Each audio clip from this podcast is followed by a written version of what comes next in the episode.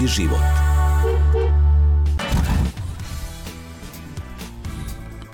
Ćao svima i dobrodošli u Lab 76 broj 158. Dobrodošli u najnovije izdanje zimskog Moto Grand Prix podcasta sa Dejanom Potkonjakom i mojom malenkošću Deki, Ćao, si mi dobro? Fantastično. Pa to ovo, to volim da čujem. Sve ste crveni danas, nismo se dogovarali ili kao da jesmo, ali okej, okay, tamo je Jack Miller, tu je Više puta tu je se to dogodilo. Da, prim- postoji, to je tajna veza, ali to je ta, ta spona koja uvek postoji negde, u energija u vazduhu koja kruži.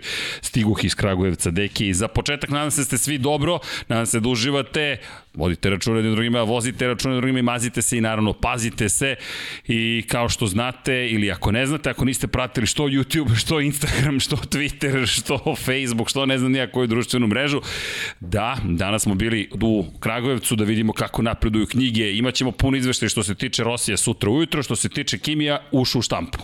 Tako da su to bitne stvari. Danas je Color Tabak krenuo da se štampa, nisam stigao kada je krenula mašina da radi crno-beli deo same knjige, ali eto lepih vesti, počela je štampa, a ali može i tako. Može, Vanja, ne, u redu je. Skroz, skroz te podržavam u, u tvojim namerama da, da, da, da dobijemo podršku.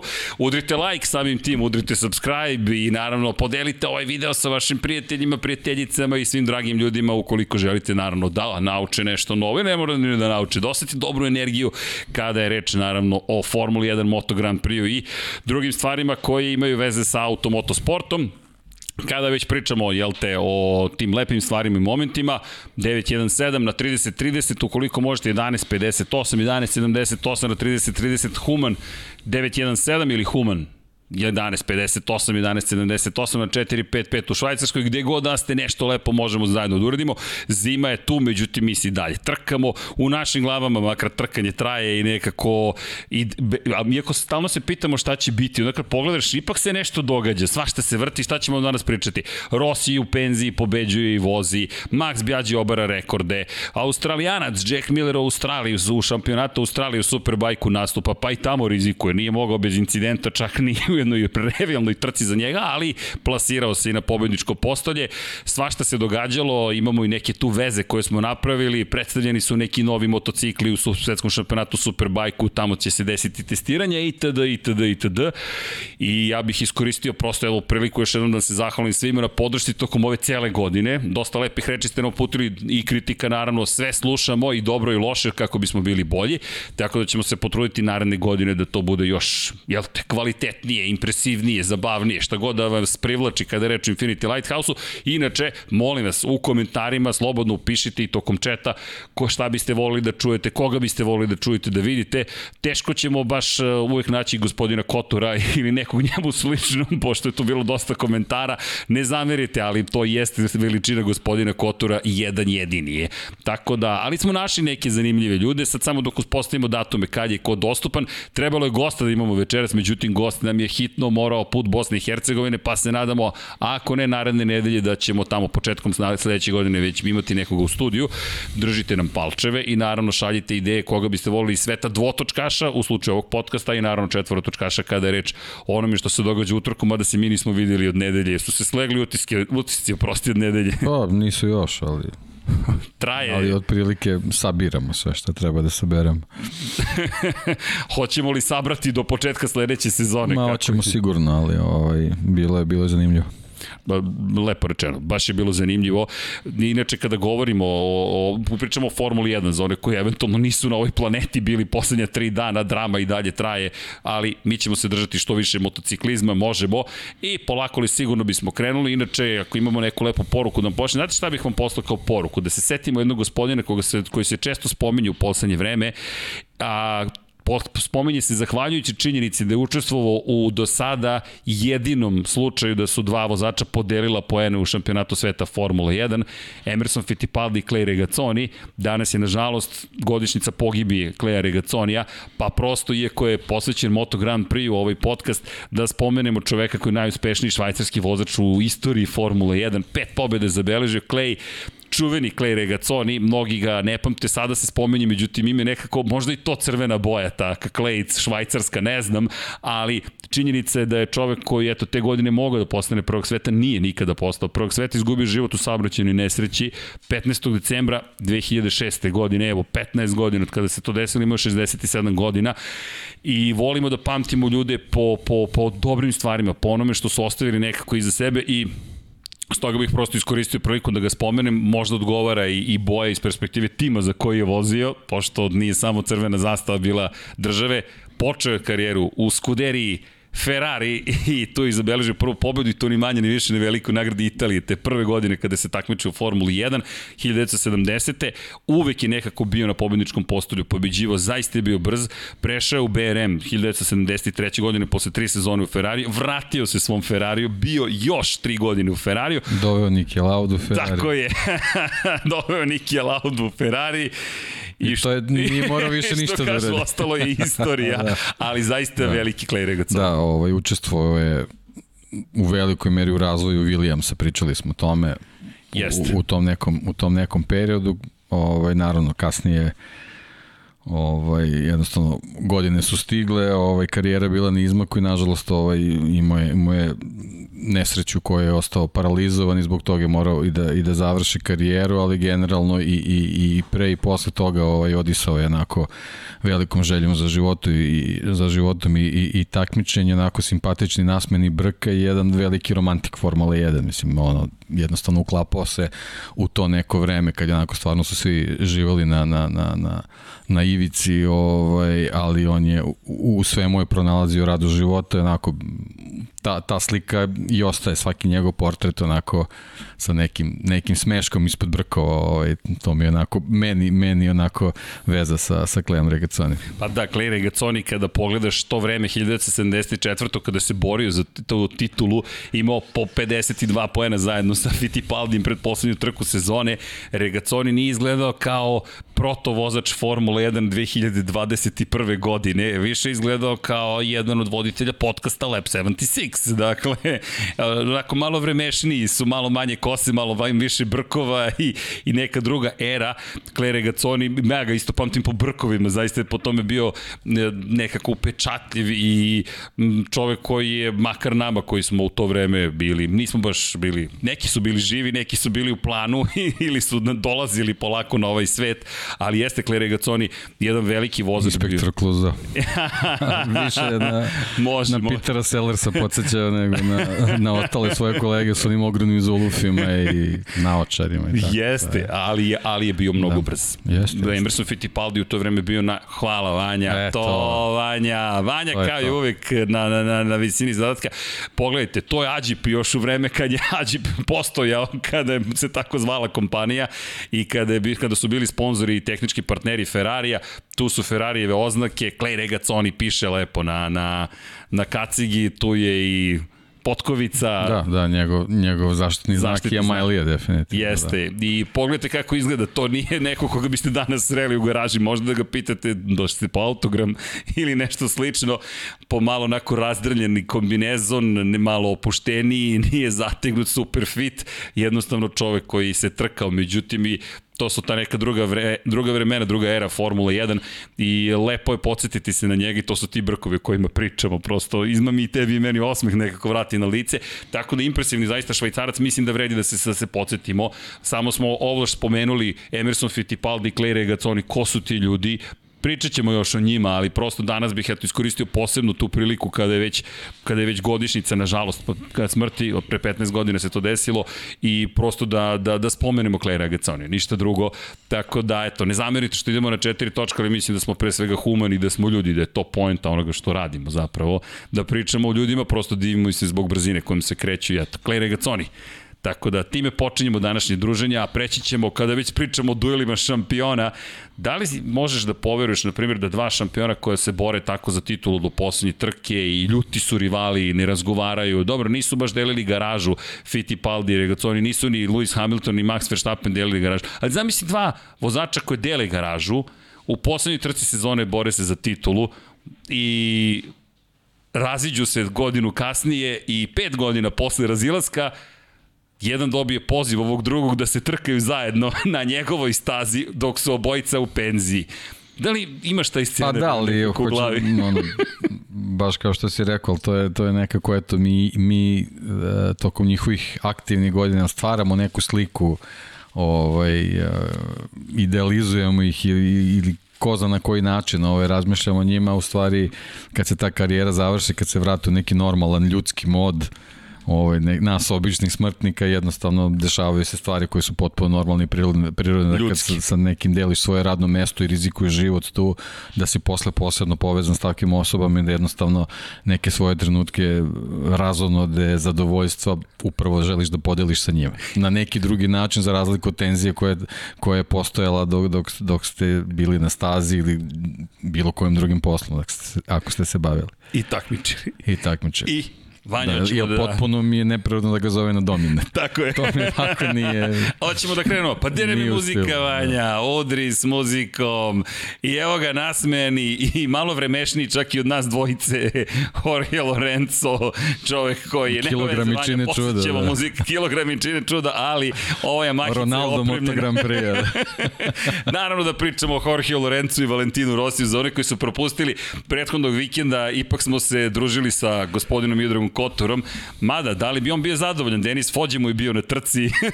U pozadini jedan od vozača Miodraga Kotora i veliki Jorge Lorenzo, zaista veliki, petostruki šampion sveta, ja mislim da njegova penzija najzabavnija od svih penzija koje ja mogu da zamislim, dobio je poziv ljutog rivala Valentina Rosija da dođe u Tavulju i da voze zajedno 100 km šampiona. dakle, sve šampioni, nisu baš svi šampioni tu, ali nema veze, neki imaju i preko veze ulaz u Tavulju, ali i što, i, mada su mi ispravili videle kolege, kaže Tavulija, rekao, dobro, sad živ, živ, živ, živ jezik Tavulja je. I, deki, vidiš da krenu našim stopama, mada ima fanatek, malo mu je oprema ozbiljna, nećemo se vaditi na motor, nećemo da budemo, da mi je fanatek, bili bismo brži u celoj priči, ali bilo ja sam mojih plus 10 sekundi, da, bilo bi dobro nešto drugo da bude, ali nisam siguran baš da je do volana. Verovatno negde drugde probam. Ja mislim da nije, mislim da to da. samo do treninga, veruj mi. Verovatno. veruj mi, samo do treninga, ali ali dobro, bit će vremena valjda da se vežba. U svakom slučaju, Valentino Rossi, Jorge Lorenzo ponovo na stazi, čovjek je otkazao, bukvalno otkazao svoje letovanje da bi došao kod Valentina Rossi na ranč, a Rossi zajedno sa Lukom Marinijem, svojim bratom, šta bi uradio, nego pobedio. Pogledajte ovu penziju. Ovaj čovjek tamo levo što leti sa brojem 46. Dakle, je u leti penziji. kao da mu neki teret pao sleđe. se trećeš kada da. se raste, to, to rasterećen sam i nema više balast. Ali ono je fenomenalna fotka. Meni deluje da jedan i drugi uživaju svojim penzijama. Ne znam, to je možda moj samo utisak, ali volao bih i Claire Regazzoni, naravno Emerson Fittipaldi da se ovako zabavljali i mislim da su i Rossi i Lorenzo na, u pravom trenutku neke stvari uradili i da su rekli ok, idemo mi dalje u neke druge avanture, ali ovo smo morali da iskoristimo, prošle nedelje se to sve događalo, već je to bilo završeno 5. decembra zapravo, ali gospodin Kotor zaista nije zaslužio da ga, da ga prekinemo ovim kadrovima, tako da smo ih ostavili za ovu nedelju, ali opet ne možemo da ne porazgovaramo, deki. meni deluje da se baš lepo zabavlja. Dovoljno da vidiš u komentarima ko je sve reagovao na, na video, da, da, tako da, da ja mislim da to, jasno je koliko je to privuklo pažnje. Ja mislim da je to samo pozivanje. Lajkujte pa možda dobijete i poziv. I, a pazi, ima i svoj brendirani mikrofon. Ok, ovo je, sle, ovo je sledeći nivo brendiranja. ono, Ranch Rider wanna be. Čitaj sa strane. da, da. Magnifico, Beast, gde piše? Aha, ima. Robbie Madison, tako, pa da, da. Pa dobro, to je to, to je to, to. Neka, lepo Mesto za neku sledeću trku šampiona, tako mi deluje. Pa ti deluje kao na da Race of Champions da, na dva da, točka, da, da, da bukvo, da. isto sam pomislio da je to, jel, 100 km šampiona, za one koji ne znaju, rok A, popularni. Valentino Rossi je vozač i šampion, ali je ozbiljen menadžer. Da, A ima, ima i podršku prijatelje, tako da... Ali kako od zabave tako napravi biznis? Pa naravno. Na, ali to je fenomen, to je ono najlepše. da, da, držite nam palče, mi hoćemo da svoje zabave napravimo biznis. Tako da, u to ime, čekaj, u to ime slobodno nastavite da kupujete i knjige besramno uz muziku Crveno i crno, Šuma i Heredom. Dejan Potkonjak, autor knjige, još uvek možete da je kupite. Kimi Raikkonen još danas je, na poseb, je posebna cena za knjigu Kimi Raikkonena. Pošto je ušla u štampu, sutra ide puna cena, tako da iskoristite večerašnju promociju, to jest situaciju što pratite Lab 76, ako ovo sluša u odloženom snimku, pa sutra je neka nova cena, ušla u štampu. Što se tiče Rosija, čekamo potvrdu da li smo uradili dovoljno dobar posao i ne zamerite što neki, s nekim stvarima kasnimo Nisam znao da postoji razlika s PDF-a, PDF-X-a i ostalih stvari, ali polako ali sigurno učimo. Na teži način ne zamerite, ali posetite naš shop.infinitylighthouse.com i pomozite da Dejan, Srđan i ostatak ekipe svoju zabavu pretvore u uspešan biznis. Tako da, nije, nije da smo krenuli biznis plana, krenuli smo, dajmo da se snimamo. Zašto? Baj da pričamo. Covid je, trebalo da snimamo dokumentarce, ali dokumentarce su se završili ovde, onda je postalo suviše zabavno, tako da eto, tu smo i i samim tim hvala vam za svu podršku koju nam dajete tokom godina sada već. Proslavi smo i drugi rođendan i nadam se da će ih biti još dosta, da će biti sve zabavnije i zabavnije. Pa i neku stazu da napravimo pa i da vozimo, ko zna. Mada ovde se neki bune protiv te, tog koncepta da mi sednemo na motocikle. No, kako god. U svakom slučaju, Rossi, eto, i u penziji čovjek uspeva nekako da pobedi. Pošto je bio najbrži na 100 km. Pa dobro, nije, nije forma prošla, tako da nije možda pošteno bilo forma prema klasa. Nekim. Da, da, da. I imao je fabričkog, da. jednog, nije fabričkog, da. ali imao je važnog vozača iz Moto Grand Prix u sebe. Možda su trebali ipak neke kategorije da naprave, pa da i neki veterani dobiju neki pehačić. Je kada spomeniš da veterane, moram, iskoristili smo priliku da spomenemo ne samo Valentina Rosija, bio aktivan i Max Bjađi. Meni je fenomenalno ono što se desilo. Vanja, ovo je nekako fenomenalan spoj zapravo, jeste da Kosmos dugo nismo radili, ali James Webb, pazi se, priprema teleskop, pomerili su ga za, za Božić, dakle, po gregorijanskom kalendaru i veza između zapravo samog modula i kontrole leta nije uspostavljena kako treba, 10 milijardi vredan satelit i teleskop koji će ponovo promeniti način koji, na koji posmatramo kosmos, dugo se već i, i priprema i u izgradnji je, kako bi se izbjegla onaj moment kao sa Hubbleom. Balansira se, pa ajmo misija gore, već sada hoće da ga lansiraju u u punoj formi, to jest da, da bude ispravan na samom početku svog životnog veka, ali o tome ćemo više pričati. Zašto spomenjamo? Pa vidjet ćete iz ovih kadrova Voxan Vatman, za one koji ne znaju, ovo je priprema Voxan motora jednog električnog za obaranje rekorda i broj 3 kao i uvek prepoznatljiv Massimiliano Max Bjađić, četiri titule za redom šampiona sveta u 250 kubika još dok su to bili dvotaktaši, prošao eru četvorotaktaša, nikad nije postao šampion kraljevski klasi ni u 500 kubika ni u Moto Grand Prix-u. Prvo ga je sprečio Mick Duan, potom nije uspeo i u toj jednoj sezoni kada Valentino Rossi bio Novajlija, Kenny Roberts mlađi se isprečio i potom došla era Valentino Rossi, otišao je posle u svetski šampionat u Superbajku, Max Bjađi i postao šampion i neko ko je zaista velikan ovoga sporta. Inače, pozdrav za ekipu Rokita Srbije. Rokit Srbija, ljudi koji su nam omogućili da uđemo u Williamsov muzej tačno pre COVID-a te kadrove nadam se da ćete gledati na sport klubu, to je kadar koji je nekako nestao u pandemiji i u svemu onome što se kasnije događalo, ali zahvalnost zaista je Rokić i dalje sponsor Voxan Motorsu, inače oni su direktno povezani s Venturijem, Venturi je otkupio zapravo Voxan. Da. Pa generalni osnova čitavu priču. Pa da. da i to je ne, ne, nekako ne samo pet proje, projekat, već ne zaista vrlo ambicije za njen projekat i ulazak u električne motocikle, nekako veza sa Ducatijem, eto te crvene boje se ponovo pojavljuju, ali je fascinantno zaista šta su uradili. I kada pogledamo brzine teki koje oni razvijaju, polako li sigurno, mi sada već dolazimo do do nekih prilično neverovatnih podataka. Mi ćemo uskoro 500 km na čas da se krećemo električnim motorom. Inače, ovo su motori koji su lakši od 300 kg. Zašto je to važno? Pa to je posebna klasa u celoj priči. Dakle, mi ovde sad govorimo šta je najteže na motoru. Šta mislite, šta je najveće na ovom motoru zapravo ovde u sredini? Obično je to baterija koja traži, koja, koja je prilično teška i kao što možete vidjeti RAM je relativno klasičan cevasti RAM, drugačije, inače ovaj upravljač teško da bi se koristio za ulični motocikl, možete sami vidjeti da je bukvalno napravljen, ono, ovo inače pa, bez oplata. Kao drag bike. Bukvalno kao drag bike, pre čemu vidjet ćete ga i sa punom oplatom, ali smo hteli da vam pokažemo sve fotografije, hvala Voxan Motorsu i na fotografijama, meni fenomenalno izgleda, onako futuristički čak i u 2021. I lep mi je Da li je težište mnogo nisko? Pita Vanja, jeste, prilično nisko težište, ali vidi, ovo je generalno toliko težak motocikl, trudiš se da spustiš težište, međutim, baterije, kao što si video, prilično visoko odlaze. Jednostavno, teško je oboriti sedište, e, te, težište, oprostite, ne sedište, s obzirom na činjenicu da je bilo veoma široko i praktično dolaziš do nekog vozila koje više nije ni, ni, ni motocikl.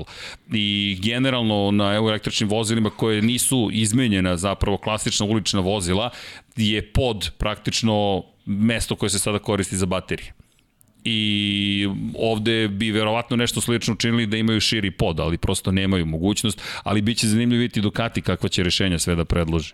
Prvo sam to hteo ovaj, da, da se nadovežemo, jako bi valo da, da vidimo ovu čitavu priču u nekoj budućnosti u Moto E šampionatu, da nemamo da nemamo takmičenje sa jednim ovaj konstruktorom električnih motocikala, nego da se da se više njih uključi i na taj način, posebno zato što evo vidimo već najave za sledeću sezonu imaćemo neka zvučnija imena na gridu, a to je ono što smo pričali, to je nešto Tako što je, je. trebalo Moto EU, to, to sad već, već polako dobijamo, a inače vezano za ovaj za ovaj motocikl to smo mislim da smo već spominjali ovaj električni motor koji se nalazi unutra isti onaj koji pokreće bolide Formule E, Venturija i Mercedes. Yes. To je Mercedes u stvari yes. elektromotor unutra. Je, e, ovo je zanimljiv kadar, samo kratko da. uh, Space Shuttle u pozadini a Voxan, pogledajte kako su noge zapravo uklopljene u šasiju, dakle želite da bude što uži s jedne strane smanjite otpor vazduha, s druge strane kada to uradite oplata pokrije noge, e sada su noge inkorporirali praktično oblik nogu Maxa Bjađija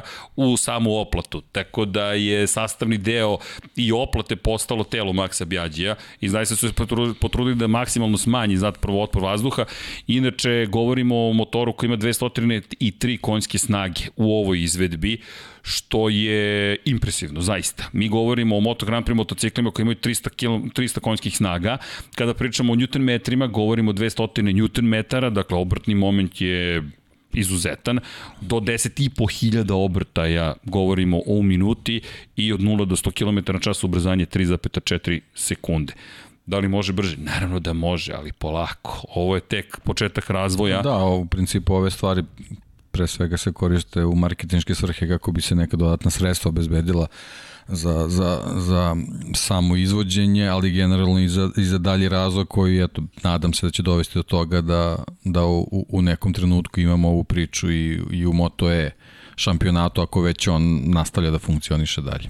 Pa da. A s obzirom da se Ducati uključi u priču, verujem da, da je to ovaj, da je izvesno da će imati u nekom budućem periodu i, i, i te šampionate vezane za, za čitavu Moto Grand Prix priču. Pa da, i ono što, što, što očekujemo zapravo jeste komercijalizacija takođe, kao što si rekao, evo mi pričamo upravo o Voxan Vatmanu. Zašto? Mislim da su radili super posao. Da nije Max Bjađi, pitanje da li bi privuklo toliko pažnje. Privuklo bi nam pažnju, ali bismo konstatovali, ok, neko je oborio svetski red. Ne, ne, ne, nije neko. Oborio je čovek koji ima četiri titule šampiona sveta u svetskom prvenstvu i neko ko ima još dve u svetskom šampionatu u Superbajku, neko ko je zapravo šef ekipe, ne zaboravimo, on je pandan Miodragu Kotoru sa, u Huskvarni, on vodi Huskvarnu i još jedna bitna napomena u celoj priči, on je neko koji je direktno savjetnik Aprilije, fabričkog tima Aprilije i njen, rob, njen ambasador, brand ambasador Aprilije i čudo jedno šta sve Bjađi može da uradi. Može da sedne na Voxan Vatman, može da sarađuje sa KTM-om i Huskvarnom, da bude šef šef ekipe,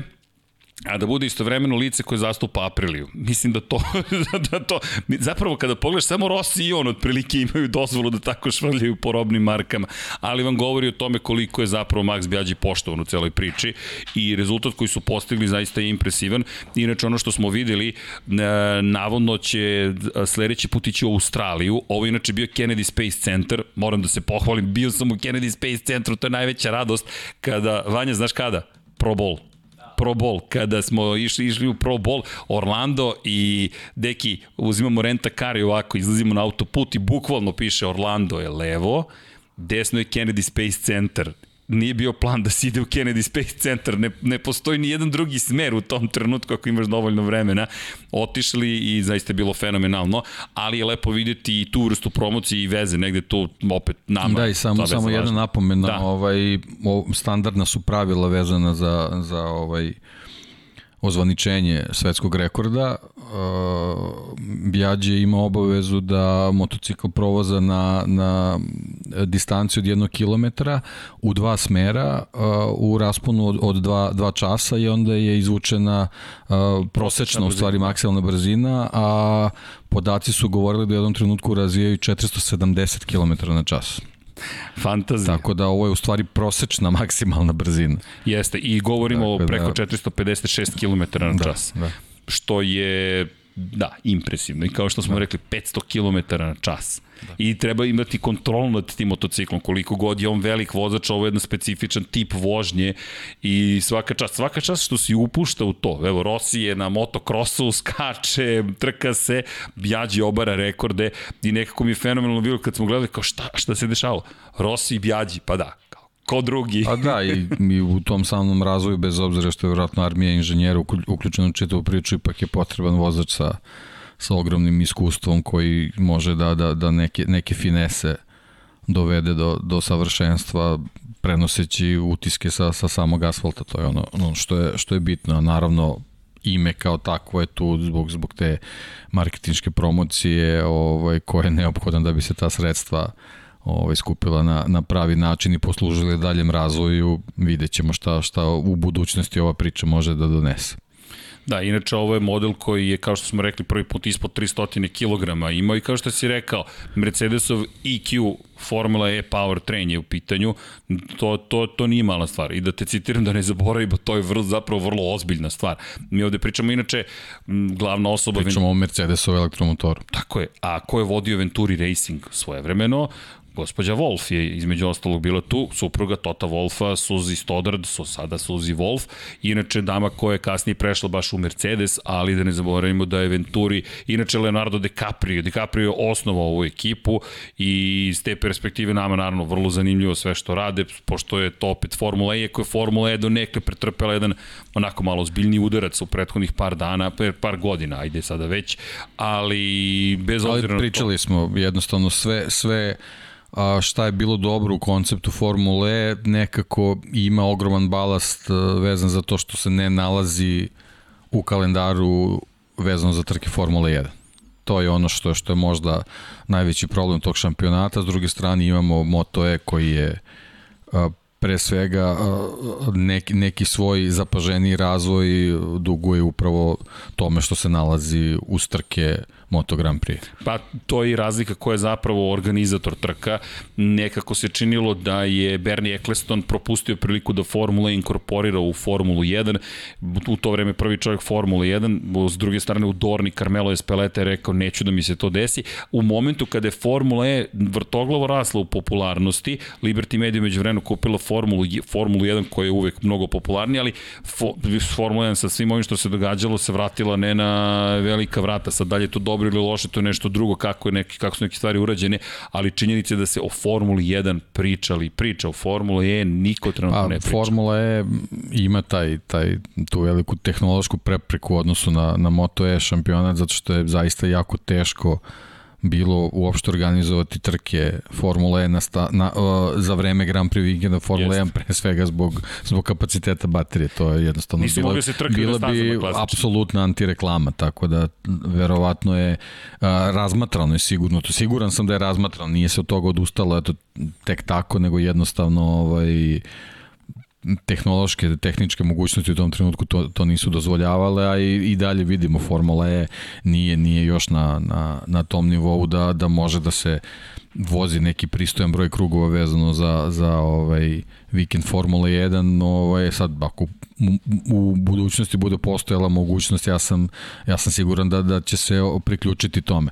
Tako da ovaj, Moto E jednostavno sa svojim konceptom je bio mnogo, mnogo jednostavniji da, da ovaj, uđe u čitavu priču. Eto, mislim, mi smo baš onako sa, sa zanimanjem pratili ovaj, protekli šampionat eh, Formula o, Moto E ovaj prvenstva i eto dobili smo i tu završnicu ovaj koja je bila onako prilično zapaljiva gotovo na nivou završnice u Formuli 1.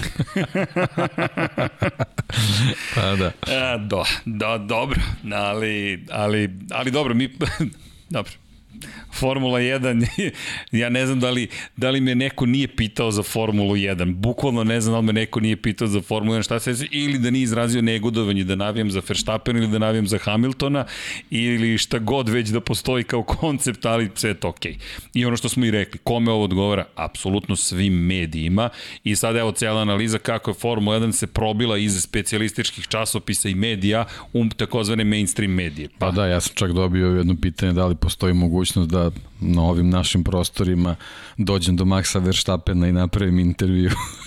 Tako da nisam baš siguran u ovom trenutku koliko je moguće, ali eto, neki su se zainteresovali koji, zainteresovali koji generalno ovaj, nisu u priči vezano za, za auto, motosport, da kao nešto pokušaju da urade sa čovekom koji je bio jedan od aktera i jedan od, od ljudi koji je bio ovaj, u svim udarnim vestima, bez obzira čime se taj medij bavi moraš da imaš Formulu 1. Ovih dana moraš da imaš Formulu 1 i do petka otprilike si dužan to da činiš, onda će polako početi da se pavljuje nešto drugo. Međutim, čak ni skandal sa UEF-om nije uspeo da pobedi Formulu 1. Ta, malo žrebu da se nađu isti timov, timovi koji ne bi trebalo da se ukrštaju, to je sitnica. Ma dobro, to je neki software pogrešio. Šta god da se desilo, ali Formula 1 zaista je preokupirala sve. Pa evo, i mi sada opet spominjamo Formulu 1, iako je sreda, ali nekako ne možeš da pobegneš toga. Pa to ima veze opet ono, Lorenzo i Rossi što smo spominjali, 2015. Eh, Jelena je napisala, Jelena Trajković Zvezdice je napisala na sport klubu baš tekst koji poredi zapravo sa 2015. ovo što se desilo i taj moment koji je, koji je bio u trenutku kada kažeš skok u interesovanju, i sad imaš nešto slično u Formuli 1 i iako je teorija da se da, da novi ljudi neće ostati uz sport hoće. Ovo je klasična kampanja, sad da li je režirana ili ne, ali posledica će biti jedan pik takozvani i onda pad, ali neće se vratiti tamo gde je bila gledanost. Neće sigurno, zato što ovo, ovo je bila pozivnica za ljude koji do sad nisu pratili šampionat, da već sledeće sezone budu, budu uz, uz Maxa i Luisa i kogod bude bio u borbi za titulu. I, I Red Bull i Mercedes takođe se spomenju toliko puta, da li negativna, da li pozitivna konotacija, ali jedna i druga robna marka su i tekako profitirale od ovoga, da li su linije podeljeni, tabori podeljeni, apsolutno, ali to je deo sporta. Evo danas su i proslavili titulu naranđastim bojama, neko se našalio da je zagađenje poveće u Milton Kinzu, ali novi šampion prvi put posle 7 godina, posle 8 godina, to nije mala stvar, za naprotiv, to je velika stvar, to je najveća stvar koju možete da postignete u Formuli 1. Mercedes Mercedes je inače odbio da se fotografiše za zajedničku fotografiju kada je reč o o osvajanju titulu šampionatu konstruktora i Formule E i Formule 1, ali dobro, to je neka vrsta protesta, tako da će se još pričati, nastavlja se i dalje drama, nije, nije, nije završeno i ko zna kada i gde će se završiti, ali u svakom slučaju no, mnogo ljudi je pisalo da će zahvaljujući ovome početi da gleda Formulu 1, jer hej, ako je ovako zanimljivo, pa možda vam se i pridružim. Tako da, upoznaće onaj To je kao kad heavy metal band napiše prvu baladu i onda kaže mi imamo sad baladu da bismo privukli nove slušaoce, onda će čuti i drugi naš opus, ostatak našeg opusa i onda će se upoznati s heavy metalom. Mm, dobro.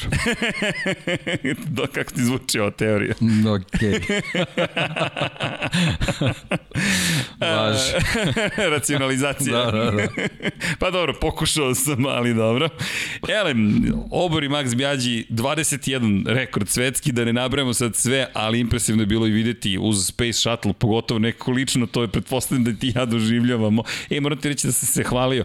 Prič, ne, neko mi pitao šta sve vi to radite i onda sam pokazivao spuštanje na Mars i ko je jedini imao razgovor sa gradonačelnicom jezera. Bio si u televizoru. Pa kad si bio juče? Danas, juče? A, ne, juče ujutro. Da. Koliko ljudi mi se javilo? Moje pitanje je bilo da li vi nešto radite? Pošto ako vi imate vremena u 10.30 da gledate TV, šta radite ljudi?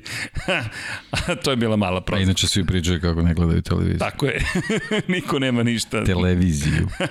Ali, znaš koliko fotografija sam dobio i videa. Bilo je, bilo je interesantno. Da, i ne zamerite što digresiram. Ovo je moj period između dve sezone. Mogu da digresiram do, do, do, do sutra. I da se hidriraš. Nis, e, to, nisi e, probao ništa. U, čekaj o, mo, molim te, pre, preuzmi, uvod, je, uvod će biti, gde idu dalje iz Rokita zapravo iz Vatmana idu u Australiju. Pa i mi možemo da se prebacimo u Australiju. Šta ti kažeš, Vanja? Ajde.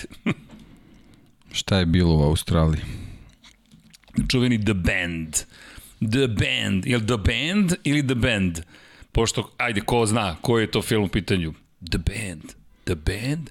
The Band. Br Film je mnogo stariji od tebe, Vanja, jedno 16-15 godina stariji od tebe. Ali to moraš da znaš, braća Blues, Jake and Elwood, braća Blues, pa to je čuvena stvar. No, Vanja, udri sa Instagramom, molim te, gospodina Jack Esa, sada poznati kao Thriller, da ne kažem Thriller Miller, s obzirom na činjenicu da je odlučio fabrički vozač ekipe Ducatija da se pojavi u svojoj rodnoj Australiji. Na završnici je šampionata Australije, na kraju je završeno poziciji broj 3, što je naravno fenomenalno. Zahvalio se Ducatiju što mu uopšte ovo dozvolio da, da učini, ali nekako to mi je logično, rekao bih. Jednostavno, to je deo i privlačnosti Jacka Millera, da se pojavi na The Band Motorsport Parku, da znate zašto se zove The Band, i da tu nastupi. Australija ima nekako endemske vrste takmičenja, V8 automobili, australijski šampionat, tu je, tu je, tu je Jack, tačno iza tebe se krije Jack Vanje, sve to ubacio i naravno, u, kao što vidite, u originalnoj majici koju možete vidjeti i u studiju na kraju univerzuma, okupljena ekipa oko Jacka Millera, morali smo da spomenem, prosto se desilo, a ovo je fabrički vozač ekipe Ducatija, nemoguće da, da ovo se ne dešava tako često, da se na jednom lokalnom takmičenju pojavi zvezda ovog kova i da mu fabrički tim dozvoli uopšte da nastupi. A da, ali nekako ovaj, naučili su sa, sa COVID-om da jednostavno ne smeju da, da, da se opuštaju, moraju da budu u formi u, u svakom trenutku, jer je jako teško predvideti da li će imati pravu priliku za testiranje. Tako da svaka prilika za sedanje na, na dvotočkaše mora, mora da se koristi. Ne, ovo je, ovo je divan kadar zapravo, kada pogledaš, vidiš ga sa, sa prama koznakom ponovo, Caterpillar koji mu je sponsor, Ducati 4 trojka, neka ekipa drugara, glavni sponsor, dobro, njegov je drugačiji, vidiš, njegov je Red Bull lični sponsor, ostali su sa Lenovom, zanimljivo, ali dobro, u, da li to znači da, da je dobio neki veći ugovor? I to treba saznati Jack Miller, ali mi je lep kadar prosto vidjeti ga, kao što si rekao, verovatno, da je COVID doveo do toga, a i druga stvar, nećeš ih sprečiti da sednu na motocross. Pa opekli su se prošle sezone kad je onako sezona iznenada počela, videli smo koliko su određeni vozači bili nespremni, ne, ne, ne svojom krivicom, nego jednostavno raspored im nije, nije omogućavao da, da urade nešto drugo i onda su ti prvo nastupi bili onako ne, ne na vrhunskom nivou, drugo mnoge, mnogi padovi su završili s nekim povredama koje u nekoj nor, normalnoj situaciji kad su u potpunosti spremni verovatno se nikad ne bi ni, ni desili tako da mislim da je, da je to pre svega jedan od razloga. Naravno super i uvek je, uvek je promocija odlična stvar i posebno kad to radiš u svojoj zemlji to je onda neki, neki drugi emotivni nivo onda posebno ako je priča kao sa Jackom u Australiji gde jednostavno eto, zbog, zbog čitave situacije nikako da, da dođemo da se održi neka neka Grand Prix trka bilo čega, tako da sve to kad se poveže ima, ima svoje opravdanje, ali mislim da, da, da mnogi od njih ovaj, ovaj, imajući obzir, uzirši obzir ovo što se desilo kod Rosija ovaj, na ranču, jednostavno momci moraju, moraju da budu u formi. Jednostavno ovi, ovi motocikli to zahtevaju. Da, prosto kada pogledaš koliko je malo vremena ostalo zapravo i za testiranje, ukoliko bude svog testiranja, svaki, baš si je lepo rekao, svaki period predana motocikla je važan. Mizano italijanima tu kod kuće, australijanci su zatvoreni, ostrovo Filip se ne koristi toliko, ovo je bilo dobra prilika, mada ima ozbiljan incident, Jack Miller, nemamo pravo da vam pokažemo tu fotografiju, ali vrlo ozbiljan incident, završio u prašini pokraj staze, srećom bez povreda, ali to je opet i rizik, uvek postoji I neki rizik. Rizik i dokaz da, da to nije bila revijalna vožnja. Ne, ne, završio na trećoj poziciji. Upravo to, jednostavno ta taj nastup je koristio za, za ozbiljen trening. I ono što iskreno dopalo mi se, moram ti priznati da mi se dopalo da, da mi pričamo o čoveku koji je toliko ozbiljan vozač u, u šampionatu sveta, da u australijskom Superbike šampionatu dođe, jer ono što sam te da kažem, V8 sportski automobili koji se voze u Australiji, zaista se radi o posebnim takmičenjima. Oni zaslužuju celu jednu emisiju za sebe, celu priču šta se to događa u Australiji, imaju lep broj staza, takmičenje dalje sa V8-icama, taj zvuk. Casey Stoner je čak Casey vozio Stoner je bio, da, da, da. I, I uopšte se nije šalio u pokušaju da nešto više postigne i kada odete da se trkate u Australiju, ponekad se zaboravlja koliko zapravo njihova kultura voli trke, ali i koliko je teško Australijancu da dođe, da prevali taj silni i dalje, koliko god da se planeta smanjila put, da bi uspeo u Australiji. I onda i uvek ih i posmatramo sa dozom, dozom pažnje, pa zahvaljujući Duanu, zahvaljujući, pa evo, novom šampionu, ne samo Wayne, sada i Remy Gardner i naravno Casey Stoner, pa i Jack Miller svojim pobedama. I onda kad odeš I pogledaš, pri čemu, gde se sve trkaju? Oni se trkaju na severu Australije, na jugu Australije. E, Imamo Ostrovo Filip, imamo Winton Motor Raceway, Wakefield Park Raceway, Hidden Valley Raceway i imamo The Bend. Tako da vi imate pet vrlo ozbiljnih staza, što u Španiji kada pričamo imate pet staza, pa kažete ok, čekaj, to je neki ozbiljan broj staza u kojima mi govorimo. Ne poredim eventualno Britance koji, koji opet imaju neverovatan broj pista na kojima se takmiče, ali to je deo australijske kulture i, i lepo ga je bilo vidjeti kako se takmiče. Vrlo, vrlo zapravo ozbiljno. Tako da, Kažem, meni, meni delo da to uopšte nije bilo revijalna priča. Posebno kad, kad smo videli ovaj, te detalje vezane za taj incident. Jeste, pošto je završio pokraj staze, ali eto, očigledno da se čovek uopšte ne šali. A umeđu vremenu dok se on jel te zabavlja u Australiji, Ducatijevi vozači su bili gde, bili su u sedištu Ducatija i sad gledaš, gledam fotografiju i razmišljam, čekaj, ko nedostaje? I onda se setim, naravno, nedostaje čovek koji vozi trku u Australiji, Peko Još malo pa imamo ekipu za futbol. Pogledaj ti ovo. Pogledaj ti njih, molim te. Kakva ekspanzija Ducati. Kakva ekspanzija Ducatija. I ovde gledamo Peka. Ko, ko je nedo, koja su dva vozača koja, koja u suštini ovde nedostaju? Nedostaje Jorge Martin i nedostaje zapravo Jack Miller. Ali svi italijani su bili tu s desna na levo tamo u zadnjem redu. Marko Beceki koji stiže kao Novajlija, Enea Bastianini koji je sada u drugoj sezoni takmičenja, Luka Marini druga sezona takmičenja. Imamo ispred, tačno ispred Jelke, imamo Michele Apira koji će biti dalje probni vozač, imamo zatim, bože, stade mi mozak, Fabio Di Gian Fabio. Di Gian Antonija, krajnje Jeste, levo, da. Na krajnje levo. I imamo, čekaj, ko je sada u sredini bez kosice? Mm, ko, je, ko, ko se tu nama pojavio? Ne, Ne, meni- ja ga ne da. čak nije ni obe... A, da. Rinaldi. Znaš ko je to? Rinaldi. Iz, 100%. iz Superbike, da. Iz su, a, ja kliknuo si, bravo da, Vanja. da, da. Rinaldi, ali nisam ga prepoznao bez kose. Da, Rinaldi, da, to je Rinaldi i Peko Banjaja. Okej. Rinaldi je takođe bio tu. I što kažeš, futbolski tim. Ali eto, Dukatijevci aktivni pred novogodišnji božićne praznike. Pa, nedostaje nam Zarko. Da, nedostaje Zarko u celoj priči, Martin i Miller. To je to. Inače, samo do, dobacuju ovde, ali u, to, nisam, to nisam smeo da nam prebacim, ali bio je u poseti Juventusu, to isto zanimljivo, Peko Banjaja, i zvali su Fabio Quartarara. Sva, sva Quartarara su zvali, gde si Fabio, eno u Dubaju, šta radiš Fabio i tako. I onda mu se javlja, kao evo to ti rival, dobar rival, ćao, ćao. Kako? Njegov, njegovom. Jel smemo mi to da koristimo? Pa ne smemo zvuk, neka, pusti Vanja. Pusti, neka, sve je u redu. U svakom slučaju, pa eto, posetio Juventus. Vole ljudi Juventus, očigledno mada. Pitam se šta bi rekao vlasnik staze u Tavulji koji navija za Inter, ali dobro, svako ima očigledno svoju futbolsku ekipu. Tu, tu, je, tu postoji, rekao bih, sloboda izbora. A dobro, ne mogu svemu da budu u istim bojama. Ne. Ali ne bi bilo bolje je, logično. da, bolje pa, malo da, da, da i tu ima nekog rivaliteta. malo ličnosti da postoji iz te perspektive. Kada pričamo o ličnosti, iskoristio bih priliku, jel imamo fotografije sa testiranja? Iz, da, da, zašto? Pa imamo jednu ličnost koja je promenila boje World Superbike, worldsbk.com, tako da znaš. Vanja pita za potpis, šta ti je poštovanje prava? Pa dobro, sad ima To. mnogo izvora, pa sad je teško ispratiti. Sad je da. jeste teško ispratiti, ali onda kada smo sve sagledali, svašta se događalo za ovih desetak dana, sve mislim deki svi spavaju, on niko živ ne spava nigde i hvala Superbike, worldsuperbike.com je izvor informacija Scott Redding prvi put na BMW-u. Lepo to izgleda. Da li ti delo kao superbike? Ne. to, je, to je moj prvi utisak.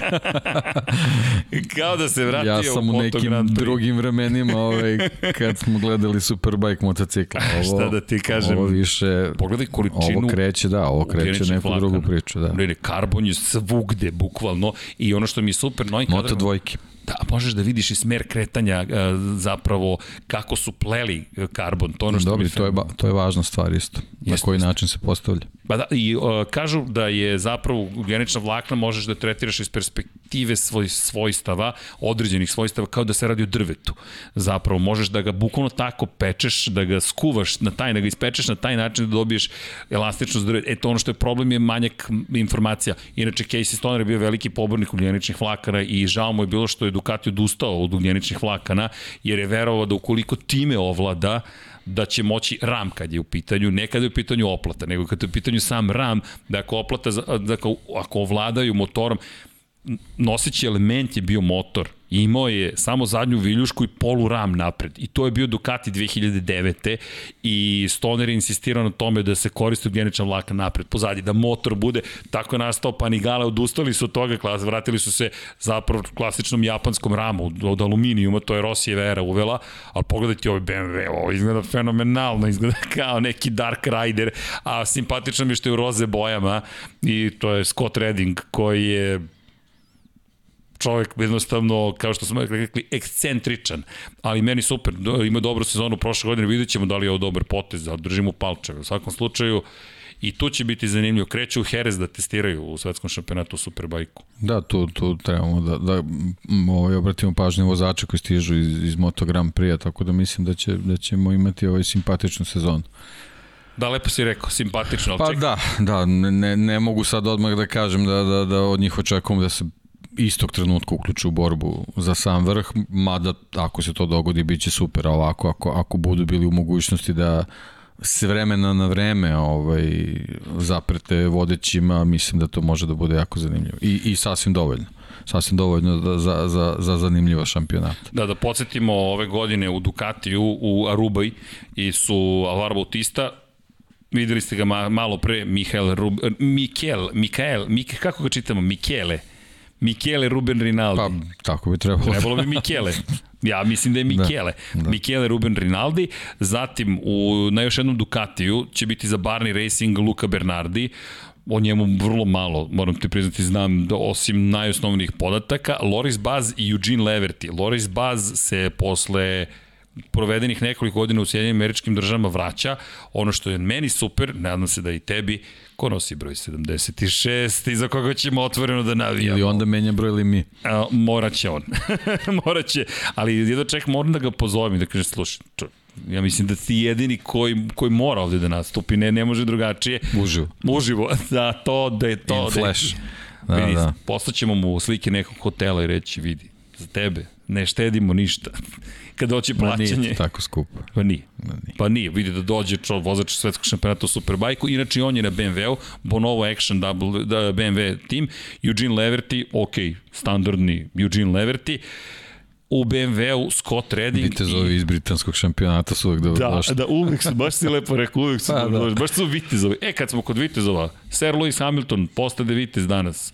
Lepa ceremonija i to je i prošle godine i, i pro, jednostavno proizveden u Viteza reda Britanskog carstva, sada je i to zvaničeno i bio u zamku u Vindurskom, u zamku, zamku, prostite, i proglašen Vitezom. Vrlo lep trenutak i vrlo dostojanstven i u ovom porazu i svemu što se desilo, način na koji se nosi sve čestitke. Zaista ne daje nikakve izjave, vrlo suzdržan i moram priznati da je na jedan impresivan način nastupio u celoj ovoj priči nisam siguran pred 12-13 godina da bi to tako izgledalo, tako da svaka čast, jer bez obzira šta se sve događalo, kako se događalo, da on sebe drži na taj način, baš je na jednom impresivnom nivou, dostojno. Porodice Hamilton generalno. Se, tako je. I otac kako je čestito Josu Verstappen i sve što su radili.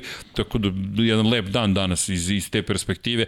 Moram priznati da meni je zadovoljstvo što je jedan naš čovek, šampion sveta u Formuli 1, proglašen u Viteza jer do sada smo imali Sir Jackie Stewarta, između ostalog kao nekoga ko nam je predstavnik nekih posebnih priznanja koje dobijaju i dobije priznanje za prosto sve ono što je učinio u automotosportu. Tako da to baš... Stirling Moss. Stirling Moss, Frank Williams. Frank Williams. Da, to su ljudi koji su i biti u, u klubu tom je zaista velika stvar. I Jack Brabham, ako Jack se ne varam. Da. Jack Brabham, da, on je jedini koji nije zapravo Britanac, Tako ako je, se da. ne varam, koji je proglašen. Jeste da je deo Commonwealtha, ali prosto nije bio... Pa da, po tom redu pripada. Pa da. da. Inače, Dakle, Scott Redding, Michael van der Mark takođe na BMW u Superbajku, Gerrit Gerlof i Kohta Nozane na Yamahi. Momci sa motogram pri iskustvu. Jeste. Zatim, Kohta Nozane, ozbiljan učesnik testova. Jeste, on baš je mnogo radio da, da, na, da. na, na razvoju motora. Ne viđamo ih često na samom motoru, povremeno u Motegiju, na primjer, ali nažalost ne vozimo već dve godine Motegi, pa... Da, sigurno bi bio wildcard tamo. Pa to je prosto staza na kojoj provode mnogo vremena i ako ga ne spominjem dovoljno, to bismo isto mogli da, da češće spomenemo. Lukas Majes na Poketi Racing u Ninji, dakle za Kawasaki, Alex Lowe's, Jonathan Rea ostaju u fabričkom timu, Uh, Leonardo Mercado i Hafiz Šarin na Hondi, Hafiz Šarin koji prelazi iz Moto dvojke odlazi u svetski šampionat u Superbajku, kao što si rekao, dosta novih lica. Zatim na Ducatiju, na jednom Panigale V4R, Axel Basani, na Patino i Yamahi će biti Andrea Locatelli, Toprak razgatli oglo. Andrea Locatelli, mislim da će ove sezone biti baš opasan. Toprak brani titulu, Filip Petl na Panigalo za Team Go 11, Iker Lekona, Ćavi Vjerhe zajedno u fabričkom timu Team HRC Honda. Mnogo očekujemo njih iskreno i imamo Lorisa Kresona kao još jednog učesnika na Kawasaki. Lepo.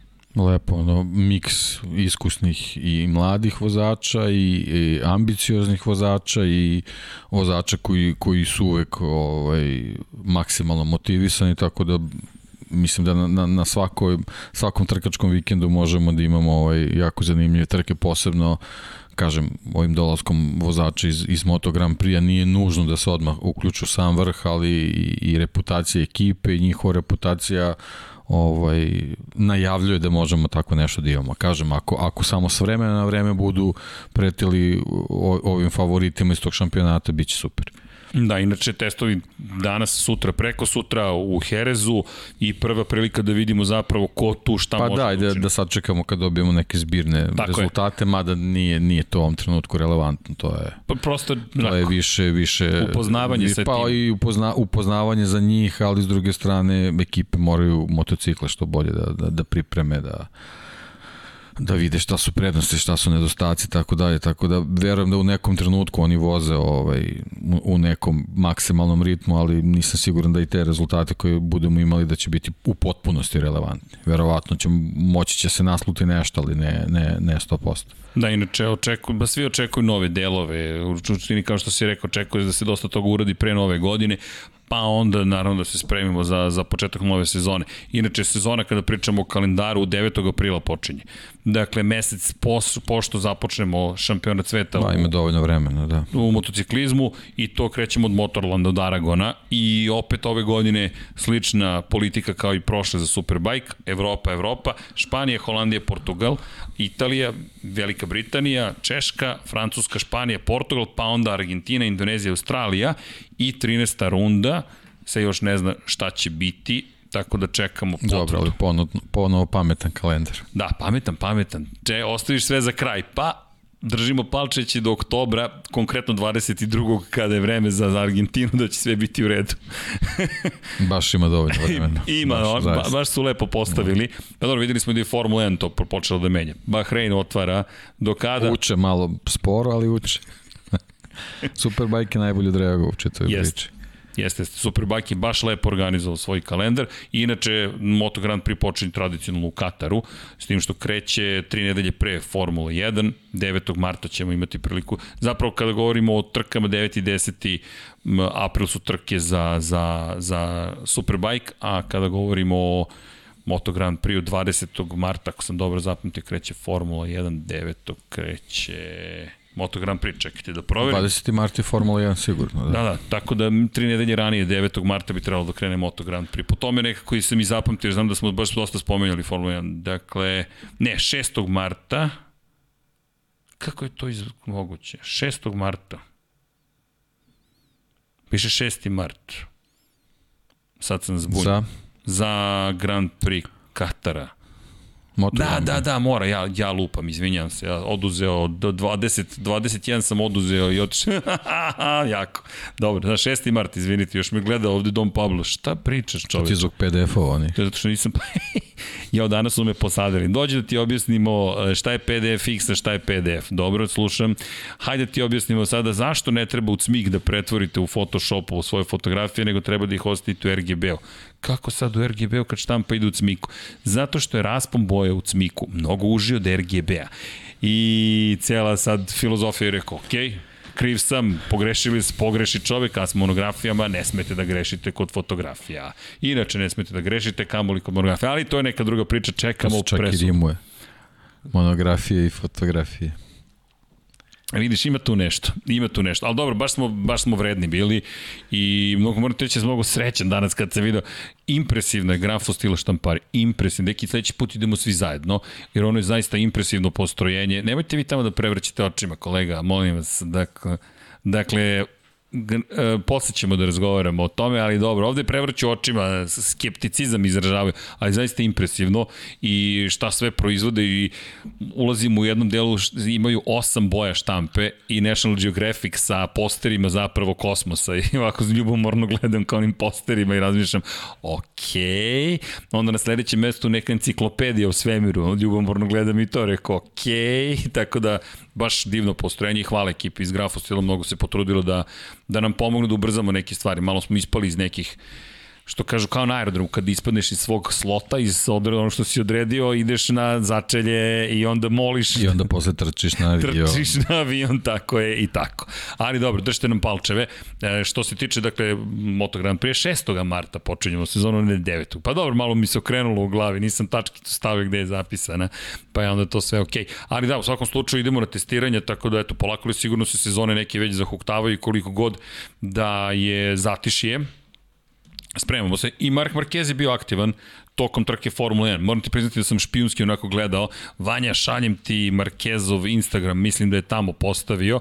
Zašto? Jer sam gledao oči. Gledao sam koliko je agresivan u proslavi, šta radi, kako se ponaša i nema više tog storija, ja mislim da je prošlo previše vremena, tako je, sad su sve statične fotografije, ali mi je bilo zanimljivo da vidim kako je proslavio osvajanje titule Maxa Verstappena, što ne iznenađuje, jednom i drugom su Red Bull glavni sponzori, i mada deluje, mada je, mada je Honda tu pre svega veza jaka i Hondina poslednja titula u Formuli 1 Da, šteta, šteta što, što odlazi baš. Baš je šteta. Ovaj, nekako, eto, taj njihov tajming stvarno neverovatan, ali... Ovog puta makar neku nagradu, ne neku, imaju najveću nagradu, ali jeste katastrofalan tajming. Dek. Svaki put imaju takav tajming. Taman kada naprave motor, oni kažu, e, odnosno... Ne, ne mogu da tvrdim sa sigurnošću, ali budžeti nisu uopšte problem. Znači, to su jednostavno neke, neke odluke koje koje se tako done, donesu na, sa, sa nekim, nekim njihovim re, rezonovanjima, ali dobro, i, i to je okej, okay, ali jednostavno takvi su da kad se jednom odluka donese, nema, nema promene i... Ne, ne, baš su, rešili smo, završili da, smo, idemo da, dalje i sve je gotovo. Zaista, zaista.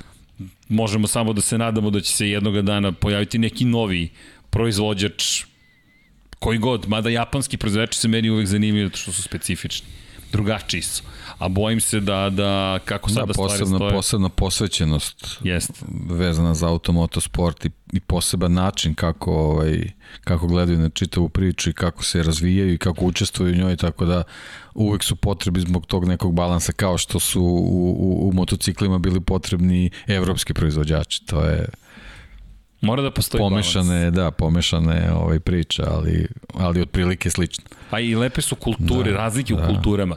Ti kada pogledaš, i što ono što je meni bilo super kada smo pričali prošle nedelje, ko nije pogledao topla preporuka 156, toprak, to, toprak preporuka, toprak preporuka, hvala deki. Lab 76 broj 156, gospodin Miodrag Kotor koji je sarađivao i sa Japancima i sa Austrijancima, i sa Italijanima, i sa Francuzima, i prošao mnogo toga. Bio je jedan od glavnog sa Englezima, i sa Englezima, jeste. Baš je sve prošao. Razvio je Lotus. Jeste. I, i, i, i bio je na takvim pozicijama gde on Tome, o tom zna. segmentu nismo ni pričali. O, nismo se dotakli toga. Bukvalno to je, to je usput od nule je podizao Lotus ponovo marku u Velikoj Britaniji. I uspeo u tome. I uspeo. I uspeo u tome. Bio otišao dalje. I otišao dalje. to je tu moto. Ali kako skromno, da. Da, ba da, kao dobro. dobro, to, to smo radili, ne, da. Sjajno, ne sjajan da lik, stvarno. Da. Fantastičan, fantastičan zaista. I ono što smo i rekli na početku, teško je baš naći tako, nemoguće naći još jednog takvog sagovornika jedinstvenje. Da, mislim da je bila sjajna prilika, posebno što, što je imao toliko vremena da, da, yes. da posveti, ili jednostavno niko, ne verujem, ne verujem da si ti očekivao kad si ne. razgovarao s njim da ćeš u dva dana toliko vremena ne. moći da provedeš. Ne, ne verujem, ja sam razmišljao kada je rekao... Recimo u sezoni nemoguće ne, Ne, vidi, da. deki, kad je rekao imam 45 minuta, ja sam slavio skako, imamo 45 minuta sa Kotorom. U jednom momentu kad je rekao, ok, možemo i duže da nastavimo, rekao, ćuti sad, nemoj niko ništa da je pokvario sad. I dobio sam kritike što sam previše pričao, ponovit ću, svi su ćutali, ja sam, ne, svi, ja sam hteo da ćutim, ali neko je morao nešto i da kaže. Ali buk bukvalno radost i onda kada je rekao, ne, ja, a ja ne znam sad da li je sramota da pitam za sredu ponovo. Bukvalno sramota me šta sad čovjeku da kažem, ostoje sat i po u Formuli 1 i sada možete sutra 3 sata. I onda vrhunac tagovanje. da, to, mi smo ovde svi popadali u nesec za oni koji ne znaju. Moramo da se hvalimo. Da. Čekaj, čekaj, čekaj, ne, ne, o flagrantno hvaljanje. Ako gospodin Kotor gleda, ne zamirite, ali mi smo ovde fanboys. dakle, ovo je klasičan Klasični smo grupiz, ali Vanja, šaljem ti nešto. Znaš šta ti šaljem. Eto, tako da znaš, poslao.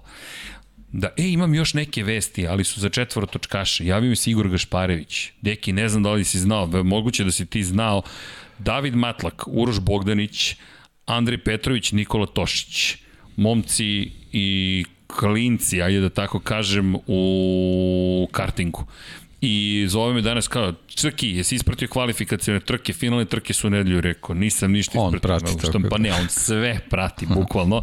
I za one koji ne znaju, Rotax Max Grand Finale je u pitanju karting racing šam takmičenje i u Bahreinu su trenutno najbolji iz celog sveta se kvalifikuju za tu trku, tako da imate četiri... Jao, Vanje, možemo nešto da uradimo? Znam da ti uvek glavobolju napravim. Hoćeš da zoomujemo Igora?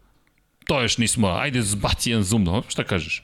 Pozovemo da vidimo šta se tamo zbiva, ali ovo da se malo pohvalimo. Pre četiri godine proslavili smo titulu šampiona sveta s Džanom Mirom u šampionatu sveta Moto3 kategorije, u jednu izuzetnu godinu s Leopard Racingom i Džanom Mirom. Hashtag Moto3, MotoGP, B. Leopard, Lab 76 at Infinity Lighthouse at John, John Mir 36 John Mir Infinity Lighthouse, to je Lab 76 tu, na I ako sediš da. i samo potoneš u stolici da. kao ćuti šta sad moram, sad moram da budemo još bolji, sad moraš da budeš na, na, na najvišem mogućem nivou. Dakle, šok, potpuni šok i sad šta da, da kažeš? Zahvalnost, nema, nema ne, šta da nema šta, šta da kažem hvala, lajk udariš i ćutiš i I, pa, i, o, pogledaj komentar, dogodine ponovo slavimo, hvala vam što ste bili gost u Lab 76, najbolji dve emisije i kada sve najbolje vam želim. Fantastično. Grande Kotor, evo. Grande Kotor, da. una serata stupenda. i Madre Kotor iz Magic. Da znate da jeste, čovjek je magija. Kako se pojavi nešto dotakne, to postane pobedničko. Šta god da. Eto bio Lab 76, tako da idemo. Sledeće godine na 100 km šampiona potkonja Kerceg posada. U Domina. u Domina. Pa vidi, a mi Složit ćemo... 100 km Domina i probat ćemo da, da je oba. Znaš kako možemo? Znaš kad se pojaviš na skijaškoj stazi, imaš najskuplju delo i samo piješ čaj I to je sve što radiš pored staze. Stojiš i posmetraš u nekom skupom modelu i kao, okej. Okay sledeći spust je moj. I ne radimo ništa, stojimo pored onih kroserki, imamo dobre kacke, malo blato namažemo, čisto da ne bude da nismo ništa radili i to je to. Da li bi nas pustio? Ovako šarmantno. Da ne vozimo, pa vidi, jedino ako želim da nas stvarno vadi iz nekog peska, ali okej. Okay. Ako ti misliš da je to u redu vanja, za, za potrebe misli sve ćemo da uradimo, ali dobro. Dakle, e, o Vanja, ti si super ekspresno brz. Čekaj da vidim da li je Igor. Kada se, malo se igramo kada smo već tu, pa da čujemo šta to ima. U, imam i neke fotografije mi je poslao, pa ako hoćeš, sad ću da ti pošaljem ima, u, sjajno. Evo, stiže ti nešto sa Instagrama. Ne zamerite, ali Uroš Bogdanić, sad ćemo mi to da rešimo. Evo ga. Šaljem ti još jedan link sa Instagrama, Vanja. Danas Instagramišemo onoliko. Tako da evo, ovo super, malo da se promovišu momci i devojke sa ovih prostora. Poslali smo sve. Pa eto, Vanja, vidjet ćeš i sam. Posla to upravo. Da, dakle, eto, i, i to će biti zanimljivo, pa ispratit ćemo finala. Ajde, vidjet ću da li će nam Sigor javiti. Poslao sam mu, pa ako uskoči Vanja, super, ako ne, probali smo. Dali smo sve od sebe da Lab 76-ujemo u sredu, koristimo priliku ljudi, nema sezone, pripremamo se za 2022. Zabavljamo se s Rosijem, Bjađijem, možda nekim budućim šampionom sa ovih prostora, zašto da ne. Čekamo vesti o tome gde nam je Filip sledeće godine, kakvi su planovi, to čekamo da se potvrdi. Ćeš meni da baciš ili možeš? Baci, vaj. Ne radi. Dobro. Ne, da nastavimo mi, to, to Vanja sređuje ovde Zoom, nemojte ništa da brinete. Dakle, po, u, u, u najboljem ste mogućem društvu, sad će to Vanja da reši. Ja mislim da Vanja, ako to uradiš, ti si najveći car na svetu. Dami i gospodo, kada biste znali šta Vanja trenutno izvodi, bili biste impresionirani. Moramo da ubacimo još jednu kameru. Moramo da napravimo no, no, još novo. Da, kada smo već kod toga. Vanja, ovo je idealan moment da se zahvalimo ljudima koji omogućavaju da mi imamo sve više i više mogućnosti, opreme i stvari na raspolaganju.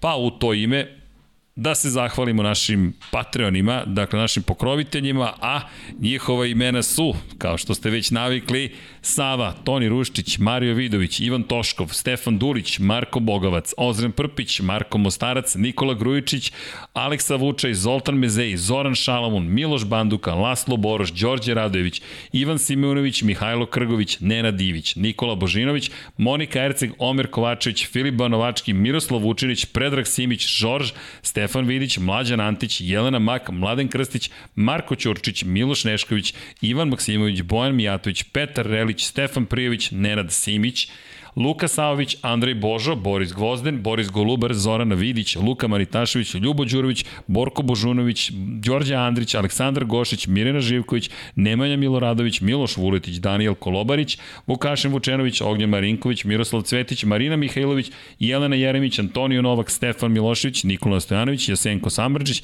Mihovil Stamičar, Stefan Nedeljković, Zoran Majdov, Josip Kovačić, Lazar Pejović, Benjamin A, Nemanja Jeremić, da žena ne sazna, Boris Kujundžić, Tija Dijana Vidanović, Stefan Ličina, Aleksandar Antonović, Dejan Vujović, Nemanja Zagorac, Đole Bronkos, Aleksa Jelić, Aca Vizla, Igor Vučković, Milan Ristić, Branko Bisački, Nenad Đorđević, Vukašin Jekić, Aleksandar M, Žarko Milić, Dejan Đokić, Bojan Markov, Ertan Prelić i Ognjen Ungur, Ungurjanović, plus 30 tajnih pokrovitelja.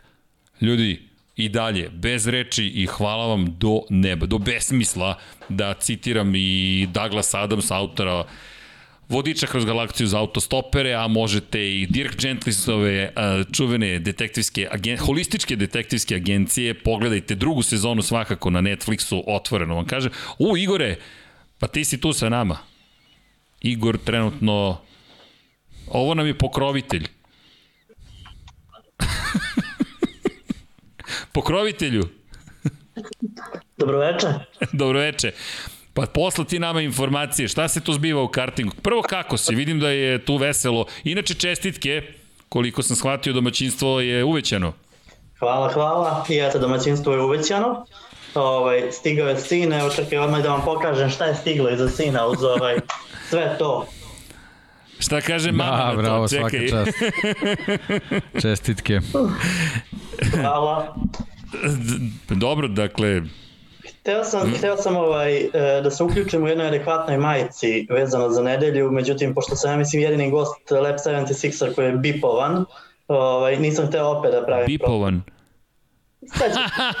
ja, osjećam se, to je s početka. jedini si dobio bip.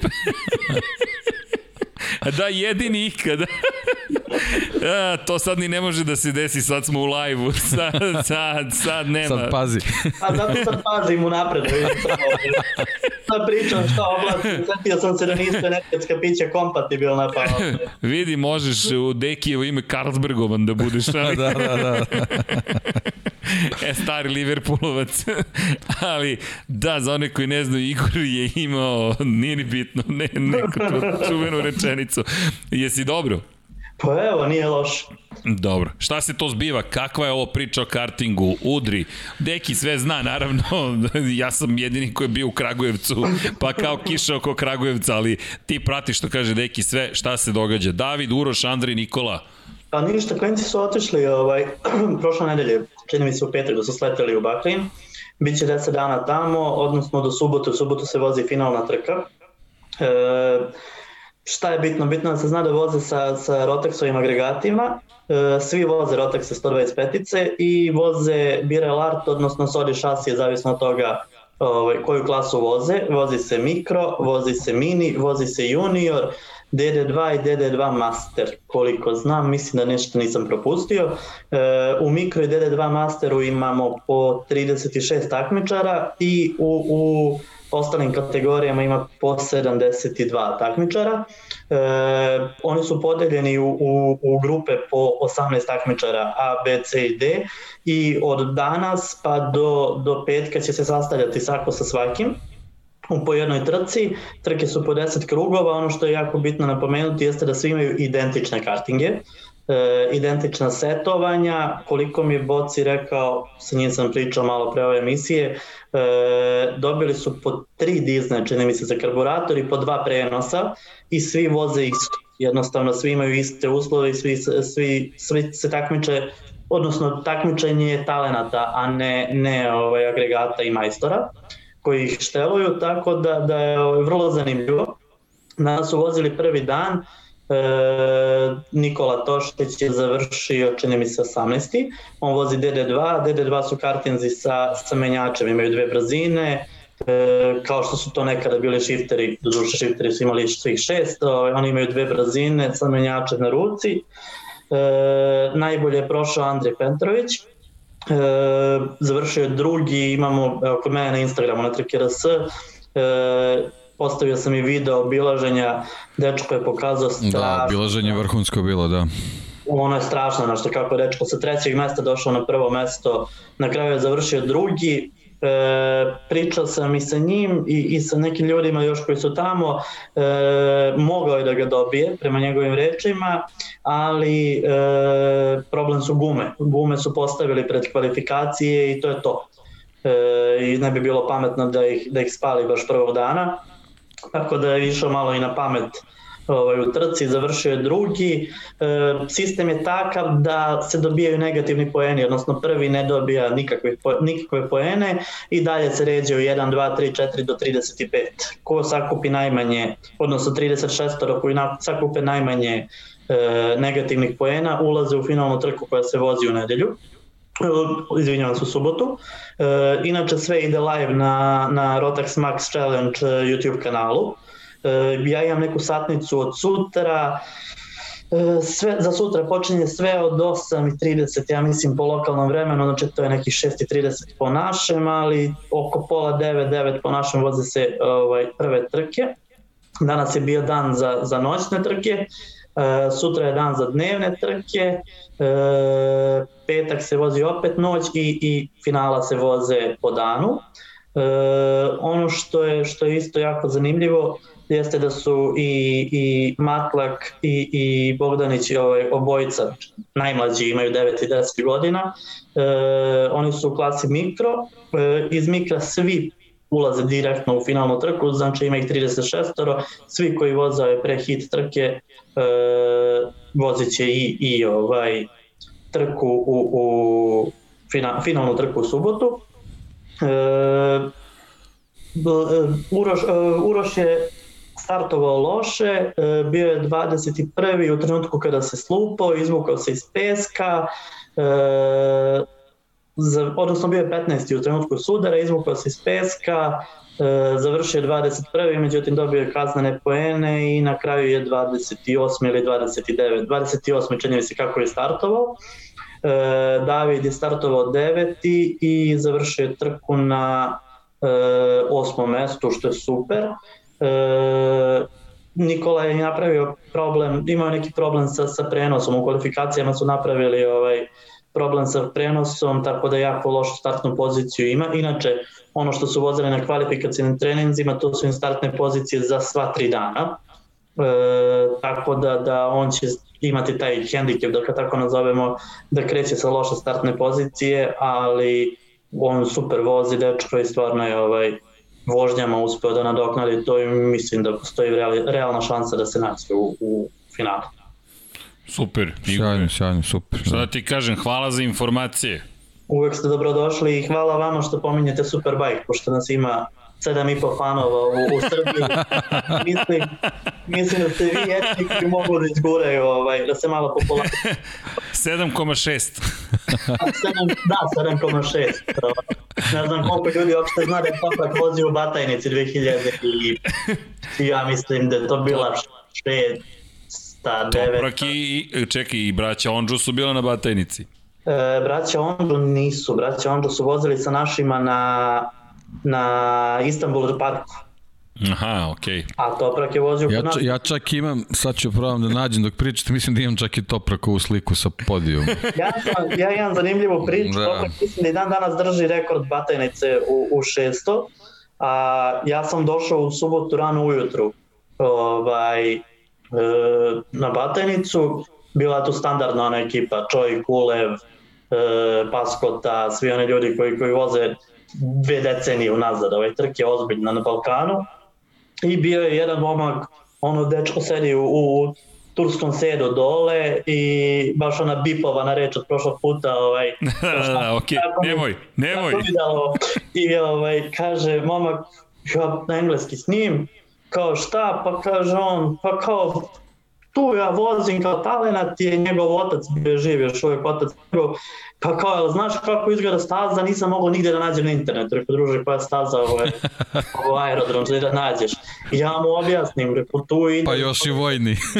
desno, pa motaš levo, vraćaš se, imaš ovde napravljenu šikanu, ovde se vraćaš, aha, okej, okay, sve ravno, sve ravno, važi, cool. Prvi krug je izašao, vozio je neko vreme prosečno, drugo je vozio dobro, treći je već oborio sva vremena kroz ikad Kad, kad je imao Hoće to. godina. I je li tad radio na prednjem točku ili bio stopi? I nije, nije. Tad je slušao. Tad je slušao. Dete, ne znaš ko ono, klinac, klinac, ne možeš da ga vidiš. I mnogo mi je drago za njega. Mislim, ne znam da ste videli ovaj, ja sam napravio prvu T-Max repliku, ovaj, Toprakovu, tako da zna leto se vozimo u njegovim bojama. Nismo videli, ali ćemo videti, siguran sam prilično. E, ali to su lepe stvari. Što se tiče Superbajka, naravno da ga spominjemo. Žao nam je što ponekad ne stignemo sve da spomenemo što bismo spomenuli, ali pogotovo sada kad idu testovi, znaš, Redding, pa svi ljudi koji su otišli, pa HRC šta radi, pa Bautista koji se vratio, pa John izgubio titulu. Znaš, potrebno je da, da se pričaju priče i e, nekako Superbike, da, Moto Grand Prix morao da se zaštiti pre 20 godina, ali baš istrpeo Superbike u poslednje vreme i to je velika šteta, to su preozbiljne takmičenja i treba im dati predati više pažnje, tako će se mi truditi i u budući nekako da povećamo nivo praćenja Superbike. Pa jeste, mislim to je stvarno takmičenje koje ono dostiglo je nivo e, popula, po, po, po zanimljivosti praćenja dostigao je nivo MotoGP-a i prestigao, mislim trke u, u Superbike su nešto što je ono ove sezone barem nerealno i za Redinga mislim da je napravio glupost, ali dobro. Da, da dobro, vidjet će, vidi, neću baš tako snažne reči da koristim, zato sam politički korektan, ali da, mislim da je dosta ishitreno reagovao, ali da sačekamo, hajde, možda BMW bude ozbiljniji nego što svi mislimo, mada kako tebi izgleda ovaj motocikl, kada ga pogledaš, što Deki kaže šta je ovo, superbike, ljudi, šta je ovo? Pa dobro, vizualno isti kao, ovaj, kao i, i ovaj, motor koji možeš kupiti danas u salonu. Ne, ne, znam, ali pogledaj krila kako postoji sastavni deo cele priče, to je... Gigi Dalinja se potpisao svima. ja sam imao prilike da, da, da, da vidim par superbajkova pravih, mislim ima u Srbiji nekoliko pravih superbajkova, ono s početka 90-ih i ovaj, odnosno s kraja 90-ih, početka 2000-ih, e, ono jesu bile aždaje u odnosu na, na ulične motore tog vremena ali ovo danas što proizvode to više nema dodirnih tačaka. A dobro, to, to iz Moto Grand Prix sve odlazi uz, u zvaničnu u serijsku proizvodnju, onda ga vraćaš u Superbike. U suštini to je sad postao put praktično. Pa da, i, i vidim ne pominjete, ali Yamaha strašan rezultat ove godine pravi. Uh, pa spomenuli smo prošli put, pričali smo o tome šta je sve osvojila i u Britaniji, i u Superbajku, i u Moto Grand Prix, sve je osvojila što je mogla da osvoji. Da, nerealno, ne. Nerealno što je bilo. Zaista da, su, da se organizovalo 8 časova Suzuki mislim da bi pobedila i tamo. Je li bilo 8 časova? Nije. Ne, ove godine nije. Nije se vozilo, vozio se nije. most. 8 da. sati mosta se vozilo da. Suzuki, da. ali Da, ali ne, dobro, Suzuka je Suzuka, tamo ko, ko preživi, ko izdrži vlagu i temperaturu, taj je zaista zaslužio pobedu. I, ali hvala, Suzuki. hvala Suzuki, Suzuka nam je stvorila ovaj toprak. Dobro, ima, ima i toga, ima i toga, upravo si. Sećate se onoga kad nisu hteli da ga ubace u tim. Jeste. da nije bilo toga, on bi možda i dalje bio u kavi i bio bi prateći, prateći Jonathan. Jeste, ali lepi on skok i oni su, pazi, prvi put da je Maha od, ne mogu kažem ni odreagovala, ali možda je čak imala sreće, kako god, ali uspela da nađe baš pravog vozača. Ajde vidjet ćemo. Šta ti misliš, čekaj kada pričamo o, o njemu, Toprak, ka, kada mu je poslednji moment da ode u Moto Grand Prix i hoće li otići u Moto Grand Prix? Ja molim Boga da ne ode. Dobro. Imamo primer uh, Kenanov koji je otišao u Moto 2, koji je bio neprikosnoven u, u Superbike 600 i otišao u Moto 2 i to je to. to je bio vidljiv jednu trku i to je to. Mislim da, da, da, da e, MotoGP vozač i isto, evo mislim, evo primer Redinga. Reding je pravio neka vremena bolja na, na e, odnosno da, Reding je sporiji na, ne ne, sporiji je na Superbike-u nego na MotoGP-u, a onda imaš Reu koji ceo život vozi sam, odnosno tu je u, u, u Superbike-u, e, ima one neke izlete u, u, u GP-u. Dobro, ba, koji ima... nije ni izlet, menjao povređenog. Pa da, znači i čovek ima, čovek ima bolje vreme u Valenciji sa Superbajkom nego MotoGP motori. Tako da mislim da ne treba mešati babe i žabe i kada se neko profiliše da je Superbike vozač, on je Superbike vozač, kad se neko profiliše da je, da je GP vozač, jer su to dva sveta. Mislim, kao što ni e, Hamilton ne može da vozi VRC ili, ili VTCC ili bilo šta drugo. To je samo Mekre mogao. to je samo Mekre mogao. Igore, hvala ti puno. Hvala što si odvojio vreme. Pozdravi lepšu polovinu, izljubi dete. Nisi odgovorio na pitanje šta lepša polovina kaže na konto kombinezona. Pa ništa, evo, ovaj, pa, karting na pedale je već stigao, a pocket bike e, se sprema. ok, dakle, put je vrlo jasan i jednostavan. Yes. Pa ništa. Hajde u Lab, u Lab 76 da nam dođe što je pre moguće kad progovori već odmah da, da, da krenemo sa medijskom obukom, kako to funkcioniš? može, može. Jedno pitanje samo još za kraj. Naravno. Jel mi ovaj poklon što sam se samo častio za novu godinu stiže do nove godine ili... Evo čekamo informacije, ne znam da si ispratio od početka, da li smo uradili dovoljno dobro neke stvari ili nismo. To, to, Dobro vidim, vidi. Kimijeve slike vidim pa mi ovaj... Vidi, vidi, završili smo, znaš, ali učimo neke stvari i onda kad ti kažu ljudi kao pa znate, ne, ovo se ne radi tako, radi se malo drugačije, ali dobro, pa vidi, a mora da bude najbolje što je moguće, zato smo išli u Kragujevac, znaš, ne smemo da dozvolimo da nešto ne bude bukvalno savršeno, ali sutra ujutro ćemo znati i svi će dobiti informaciju tačno o tome kad se šta događa, tako da znaš. I oni koji su kupili ili naručili, tako da ekipa se sprema. Mi držimo palčeve, grafost je stvarno divan prema nama, ali isto tako postoje neka pravila igre koje moraš da ispoštuješ. Ako hoćeš da uradiš posao na najbolji mogući način.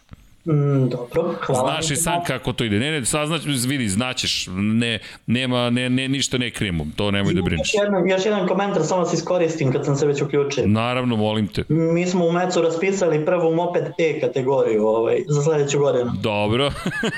Napravili smo paket, sve, samo još uvijek nema interesenata, za vrlo male pare može da se napravi, tako da bude bilo još dvoje zainteresovanih vozila. Pa pazi, ako hoćeš dva vozača, jedan je od 80, jedan od 105 kila, vidi. zajedno, zajedno, nije, zajedno nije tako loš prosek, vidi. Ako smo jedini, postavit ćemo rekord, tako da je to skroz okej. Okay. I mojih 90, tu smo onda. A i ti si, opa, ti si u proseku. Ti si u prosek, tako je. Da. pa vidi, ne reci dva puta ako hoćeš, vidi. Vidi, ako ste raspoloženi, može. ne, ne, ne, pa vidi, zanima me kako bismo to izveli. Znači, ja sam mojih... Prvo zimski testovi, pa onda, onda dalje. ne, ako se ozbiljna, hajde, hoćeš da pravimo show. Hajde, ako da, hoćete, evo ja sam dogovorio, dogovorio sa nekom firmom u Beogradu koja pravi ovaj, električne... Šta, biće, bićemo i plaćeni, šta? glavni sponsor Infinity Lighthouse. da, glavni sponsor. I nosi broj 76, a? možda slobodno, možda birati. I zovemo Baza i eto. Da, On iz Baza da nam bude coach. Ej, vidi, ne reci dva put. Hajde, Igor, hoćemo da napravimo akciju. Hajde, evo ja Hajde. Imam kompletan paket, čeka nas čovjek da potvrdim. ok, eto, imaš vozače, prosek godina 76. godišta, godišta, neko. godišta, godišta, da, da, da. E vidi, okej. Okay. Čujemo se mi malo kasnije. U stvari ne, ti sad imaš, sad ne, ne samo da te budimo. Ti sad sanje, sanje, sad nije Ima ko da te budi, nećemo da mi da te budimo. To, to, to. Ali ujutru, nemoj kad se probudiš, nego ujutru kad se budi ostali ljudi, da ti pusti poruku pa da se čujemo.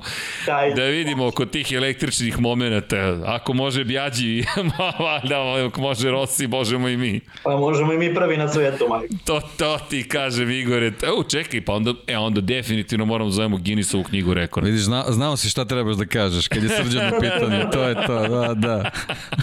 A onda, ali taj motor onda mora da stoji u studiju. Može, naravno, što da ne i na zid ovde da ga nakačimo. ja, ništa, gasi, ajde. Motaj kablove Motaj dosta. kablove. Igore, e, laka ti noć. Vreme za razlaz, vidimo. Vreme, čujemo se, hvala. Hvala ti puno. Ćao, pozdrav. Ćao. Ćao. Ćao. E, dobro. Eto viš, deki, odmah smo to organizovali. Znao sam da nešto sprema, samo nisam znao šta je spremio, ali dobro. Simpatično, zato što pre svega zbog te neke kategorije Pa to. I te kompaktnosti, to čak i onako može da bude interesantno. Ne, ne, morat ćemo, morat ćemo da, moramo da, da, Da, moramo to da, da, da, da, da, da sredimo. Inače, evo, Josip Pristić kaže, danas stigla knjiga u šumi, sledeći Kimi, hvala najljepše. Tako da, da. Huh, ovo je bilo zabavno. Ne znam u što smo odslučanili, ali, ali je to sasvim u redu. Dakle, da se mi vratimo našoj temi. Pa mislim da smo pokrili većinu tema, ne znam da li smo nešto zaboravili. Pa, pa ja nešto zaboravili. Prošli smo kroz, kroz te šampionate. To pa je, da, pa malo smo se... U stvari nismo, eto sad kad već pričamo električne, nismo, ovaj, nismo spomenuli spominjali smo Moto, ali nismo rekli u stvari da je Bradley Smith ovaj, e, da. jedan od vozača da. koji da. će se najverovatnije naći ovaj, da. u čet, čet, mislim on je ono već je praktično to je sve rešeno, potpisano malte ne, tako da imaćemo Bradley Slamita, eto posle pauze, verovatno koju nije on nije očekivao, ovaj, vraća se možemo sad slobodno da kažemo u svetski šampionat. Moto je sastavni deo svetskog šampionata. Jeste, tako ne, ne, da... ono što si lepo rekao, Formula E nema to što ima Moto E Ovo je jedna od kategorija svetskog prvenstva zvaničnog. Tako je. A, a Formula E nije poput Formule 2, Formule 3, nešto što je prateći program ili Formule W, nije pod tim krovom i lepo je što je otišla svojim nekim putem, na neki način je promenila stvari, pitanje da li bismo Moto E imali u šampionatu Moto Grand Prix da je bilo drugačije, tako da ovo dobro, ali Ducatijeva podrška je mnogo velika stvar. Mnogo velika stvari, zato se takve imena i pojavljuju tamo, to je sad već druga priča. Energica je uradila dobar posao, sve je okej, okay, ali jednostavno trebalo je, trebala je neki mamac za, za, za ovaj zvučnije imena koji će to prepoznati kao neku svoju drugu priliku. Naravno, teško je, teško je očekivati u ovom trenutku da će, da će neko ko ima onako izgrađenu i, i, i kvalitetnu karijeru u ovom trenutku baš da se odluči da, da se nađe u Moto E šampionatu, ali neki vozači eto, koji, koji traže neku svoju drugu priliku i, i, i šansu da se, da se ponovo nađe u, u, u fokusu motociklističke javnosti mogu da izaberu Moto E šampionat u ovom trenutku kao, kao mesto gde, gde ponovo mogu da dođu do afirmacije pre svega zato što je Ducati u čitoj priči. I jedan od njih je Bradley Smith. Da, Jedan od njih je čovek koji je vozio i bio šesti u šampionatu sveta svojevremeno na Tech 3 Yamahi, zatim je vozio kao fabrički vozač KTM-a, je čovek koji je bio već u Moto E šampionatu, nastupao u Moto 2 kategoriji, vrlo iskusan vozač, inače neko koji je i u, u 125 kubika bio kandidat za titulu šampiona sveta 2009. Bradley Smith je preiskusan vozač. On toliko da. dugo vozi da nema šta nije vozi, vrlo jedan, jedan ozbiljni inženjerski um. To je ono što je specifično za Bradley Smitha. Postoje uglavnom dve kategorije vozača. Jedan koji prenese povratne informacije. Osjećam da mi se ponaša ovaj kraj motora ovako, ovako, ovaj ovako u krivini mi se događa ovo, na pravcu ovo, na dodavanju gasa, na kočenju i to je to. A Bradley Smith je druga i to ne znači da je jedna bolja ili lošija. To je sad pitanje ko se uklapa u koji tim bolje, koji dođe i kaže imam osjećaj da je ovaj deo motocikla radi ovo motoru, imam osjećaj da mi zadnje vešanje se ponaša ovako, imam osjećaj da mi se prednje vešanje ponaša ovako, imam osjećaj da ručica ga, bukvalno ide u tehnički detalje. E sad, neki inženjeri to vole, neki to preziru i samo morate da dobro uklopite celu ekipu. Tako da je između ostalog Pole Espargaro izabran sa Bradleyem Smithom zbog njihovih razlika i u stilu vožnji i u stilu prenosa povratnih informacija kada su razvijali prve verzije KTM-a. Tako da ovo što dolazi Bradley Smith možda deluje kao usputna informacija, nije. I to je ono lepo što tu baš da. ističeš. Da. Bradley Smith je vrlo kompetentan. I, i uh, što za njega može da bude zanimljiva priča, naravno, vjerojatno se zato tu i našao, vozit će za novoformiranu ekipu RNF koju vodi Razlan Razali, tako da Jeste. to je i njemu dobra, dobra veza da se to možda ponovo na neki način ovaj nametne da se o njemu razmišlja i za, za povratak u Moto Grand Prix. Tako da, s jedne strane, odlična, odlična priča za afirmaciju čitavog šampionata, a s druge strane, ovaj, dobra prilika eto, da, da, da se i on ponovo nađe u, u, u samom vrhu. Inače, evo, pratim ovde i neke zanimljive razgovore na četu, sad smo se u, u, u, uključili, ali vidim ovde da imamo novu koleginicu, Jovanu. Kaže, ne bi ja mogu da dođem do reči ako bi se pojavila u studiju, tako da... Pozdrav za Jovanu. Jovana, pozdrav, evo, čekamo. Šalu na stranu, ali e, to bismo mogli da organizujemo, vidiš, sad mi neke lude ideje padaju na pamet. Ali posle... Ozbiljno. Ozbiljno. Baš me čudi. nije, nije počeo Witching Hour, ali nismo ni daleko od njega. Evo, Vanja prevrće očima da vidi. znaš da, znaš da se sprema. Ali dobro. Uh, deki, hoćemo, udrite like, udrite subscribe. Posetite shop.infinitylighthouse.com, patreon.com kroz Infinity Lighthouse i naravno postavite pitanja. Evo, došli smo i do pitanja kada je reč o Lab 76, redko se desi da posle koliko? Sat i po dođemo do piteki, pa ovo je neki rekord. Ja mislim da se ovo nije desilo dve zime otprilike. Da posle sat i po dođemo do pitanja i odgovora, ali tu smo pa. Pa dobro, mi smo u nekom ovaj, među režimu. Da, jesmo u među režimu. Inače, evo, pitanje, uh, Stefan Serdar, zašto Sport Klub na YouTube kanalu izbacuje istički trke za Formula 1 kao što rade za Moto Grand Prix? Stefane, to je neko pitao u nedelju, ne znam još uvek odgovor, proverit ću sa, sa uredništvom iz YouTube dela, to jest digitala, Nisam siguran da li imamo pravo, da li sport klub zapravo ima prava, mi svakako ih nemamo, ali sport klub ukoliko ima prava da to učini, verujem da će to učiniti, tako da pretpostavljam da je to pitanje prava, ali nemojte me molim vas držati za reč. Za Moto Grand Prix znam pouzdano da imamo sva moguća digitalna prava, međutim, ona su ograničena na države za koje postoje prava i prikazivanje na televiziji. Dakle, ne možete van Srbije, Hrvatske, Bosne, Hercegovine, Makedonije, Crne Gore, mislim da ne možete da vidite to. Tako da je to, postoji taj takozvani geoblok, jednostavno ta prava važe za određene teritorije. U Sloveniji je Pop TV i onda van tog kruga, da kažemo, nekadašnje Jugoslavije, ne znam tačno kome gde pripadaju koja prava. Tako da proverit ću, ali i znaćemo za sledeći put. Uh, Karlo Balog, Mark Marquez, ne znam šta je sad pitanje za Marka Markeza, ali gde možete da se odgleda emisija gde ste gostovali na N1? Nemam pojma. Pretpostavljam da N1 možda ima YouTube vratite, kanal, možda, možda ima, da. YouTube da. kanal, hajde, hajde da vidim. YouTube N1, pa da vidim da li tu nešto... Znam da, da imaju, imaju svoje playliste, ali ne znam da li je... Vi ste u nekom da. jutarnjem programu bili, Je li to novi dan bio? Ja mislim da bili... Mene pitaš. Nemam pojma. Ja mislim da je novi dan, pošto... Pa ja to ne znam. Ljudi meni kažu pojavi se, ja se pojavim. Gledaju me ovde šokirano, ali čekaj da vidim. Dakle, novi dan.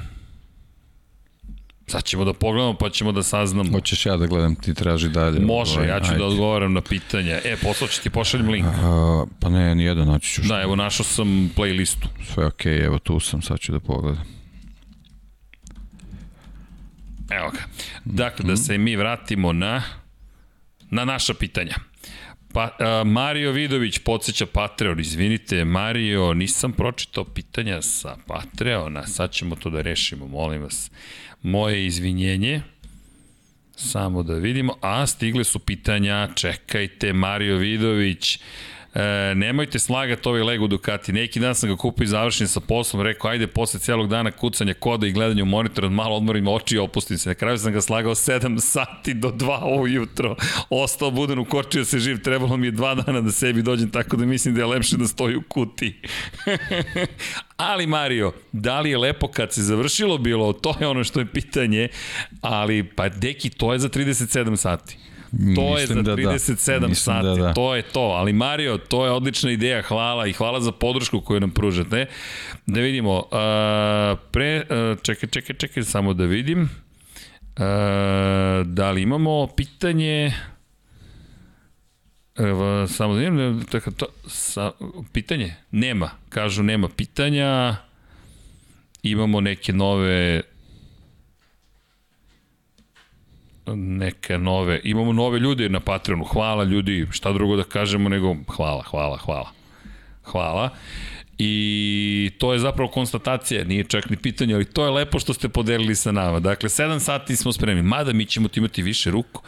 E, Srki, odakle nabavljate sve te knjige o MotoGP-u i Formula 1 što imate kao što su one na stolu sada?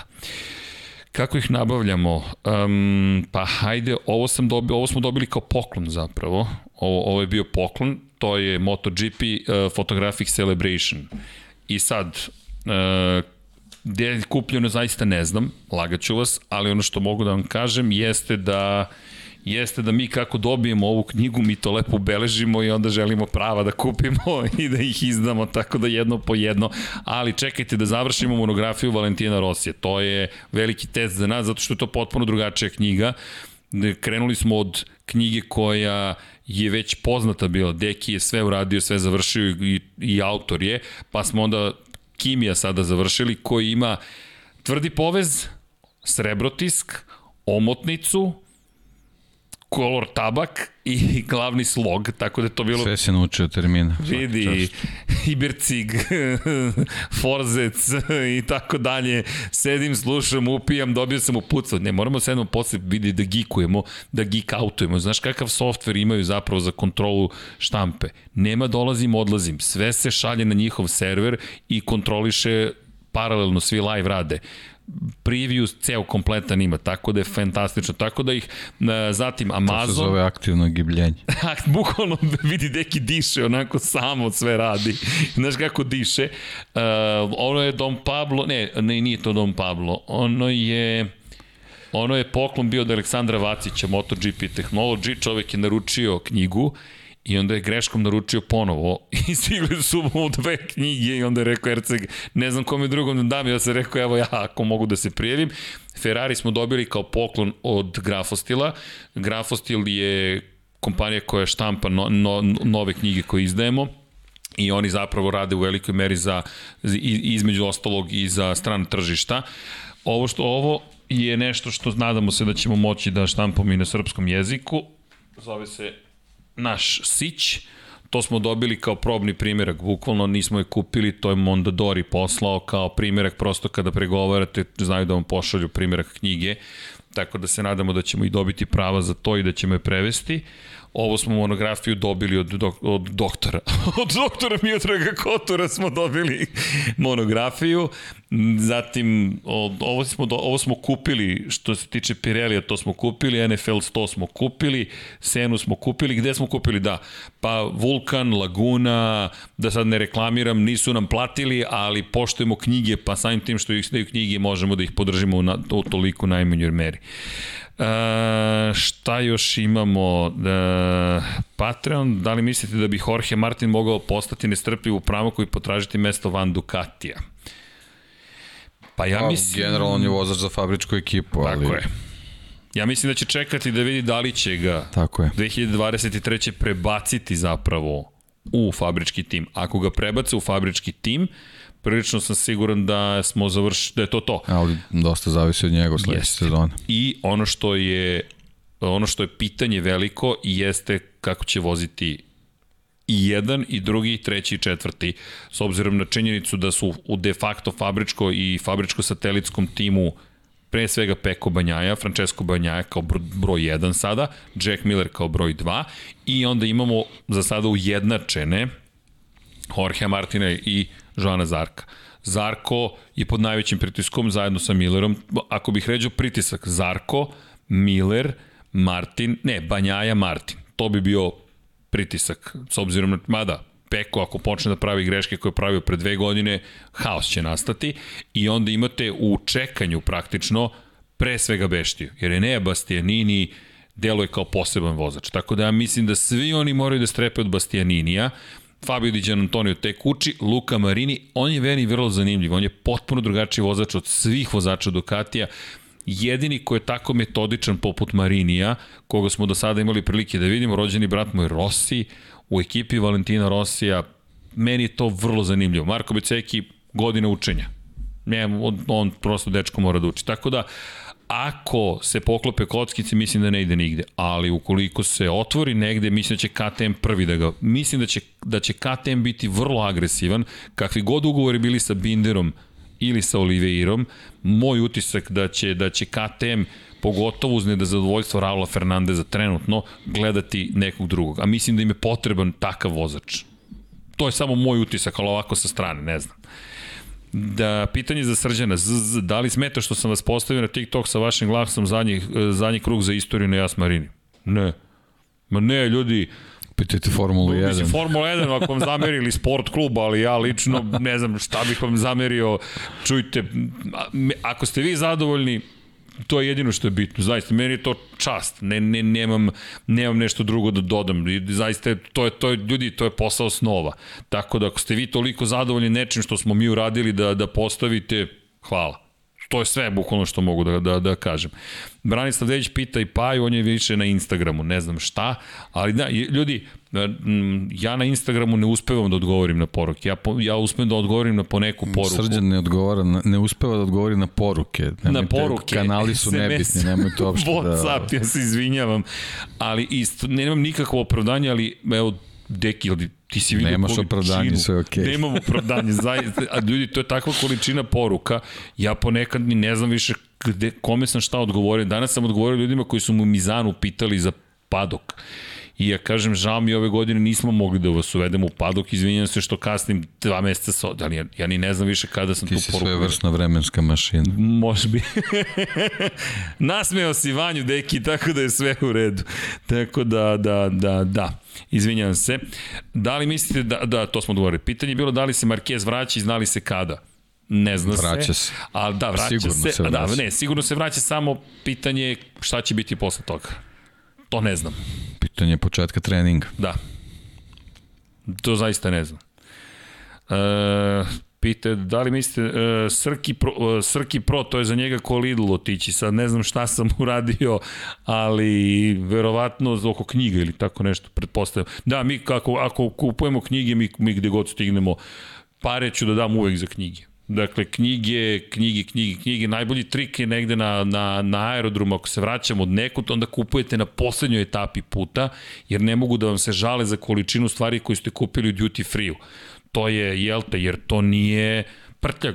Ja sam to kupio, onda imam 10 kila knjiga iz free shopa, zapravo neko omila nekih knjiga koje ne mogu da se kupe. I šta će da mi kažu? Ništa. Pa potrošio sam pare, hteli ste da trošim pare, vaša boarding karta je upotrebljena da se vama zabeleži takođe provizija i onda putrpam knjige gore i zapravo sam dobio 5 kila knjiga više i tako. Eto. E, pitanje I još jedan kupio Lego. Dobro, kupujte Lego. Da li mislite da bi... Uh, pratite li poznatog fotografa Kim Ilmana? I nisam siguran da pratim Kim Ilmana, ali mogu da vam preporučim, evo ovde se javljaju, dižu se ruke ko prati Kim Ilmana. Moram da priznam da, čekaj, da vidim da li pratimo Kim Ilman, Mm, ali ajde da preporučim neke. Andrej Isaković. Dakle, topla preporuka Andrej Isaković. Čekaj. Toprak preporuka. Toprak preporuka. Čekaj da stavimo Andreja Isakovića. Andrej, evo ga. Izvinjam se, evo ga Andrej. Zatim, sad ćemo da vam pošaljemo još jedan Hasan Bratić Hasan takođe. Bratić obavezno, da. Hasan Bratić, molim vas. Evo. Topla preporuka. Oni su baš, baš često. Inače, evo, pa evo vam preporuke. Vladimir Ris. Da, da, da, da, da. da. Čekaj, e, imamo samo da sve stignem. Evo vam fotografije, ovo je sad Formula 1, ali, ali čekaj. E, Vid Voršić, da ne zaboravimo Vida, evo ga Vid, pa imate i Zorana Živkova, Zoran je često na Eto, podeli smo, ja mislim, dosta Instagram profila sa fotografima. Ali čekajte sada da vidimo. A, šta smo imali? E, Kim Ilman, e da, tu ne odgovorih. Ja mislim da do sada nisam, ali mislim da od ovog momenta će se to promeniti. Ali da vidim samo, da budem 100% siguran, više ne znam koga sam da pratim, pa čekaj, pa ne znam koga više ne pratim, jedno milion profila. Ja inače se trudim da zapratim sve koji me zaprati, onda ti imam milion profila, ali to je u redu. Nije me Kim Ilman zapratio, ali to je u redu. Dakle, pratim. Da li će Toprak sledeće godine nositi broj 1? Ne znam da li, se iz, da li je išta izjavio po tom pitanju. Hajde da to proverimo. E, zatim Boško, diskusija oko toga da ide sa najboljeg motora u karavanu, pa nije valjda blesav toliko. Pretpostavljam da je na konto Topraka i Jonathan Re. Dakle, Aha, ne, ovo je pitanje da ide sa najboljeg motora u karavanu. Aha, Boško na Jorge Martina. Misli, pa da, ali drugačije kada sedite u pramaku, drugačije kada sedite u fabričkom timu Ducatija i... A i plate su drugačije. To sam htio da kažem. Imaš tehnički aspekt imaš aspekt plate i imaš aspekt reputacije. Jer, ukoliko ne ostvariš određene rezultate, satelitski vozač će uvek biti manje plaćen od fabričkog. Pa ne samo to, mislim, po toj, ovaj, po tom rezovanju zašto je Jack Miller prelazio u fabričke Ducati.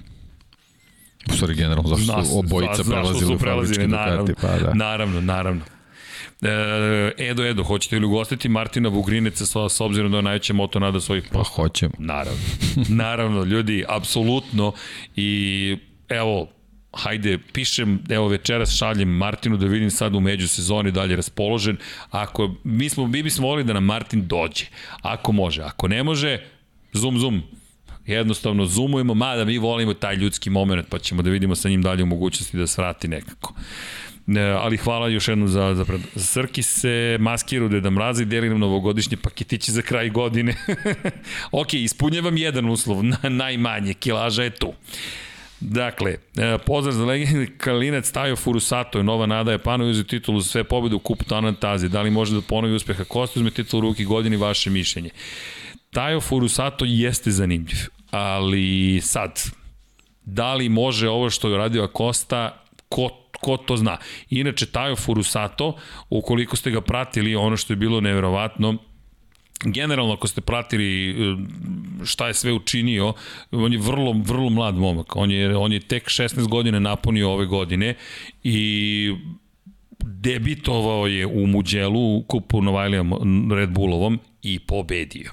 Sad, da li to može da uradi, pošto je u prvoj trci Kupa Tanata slavio u šampionatu sveta, ne znamo.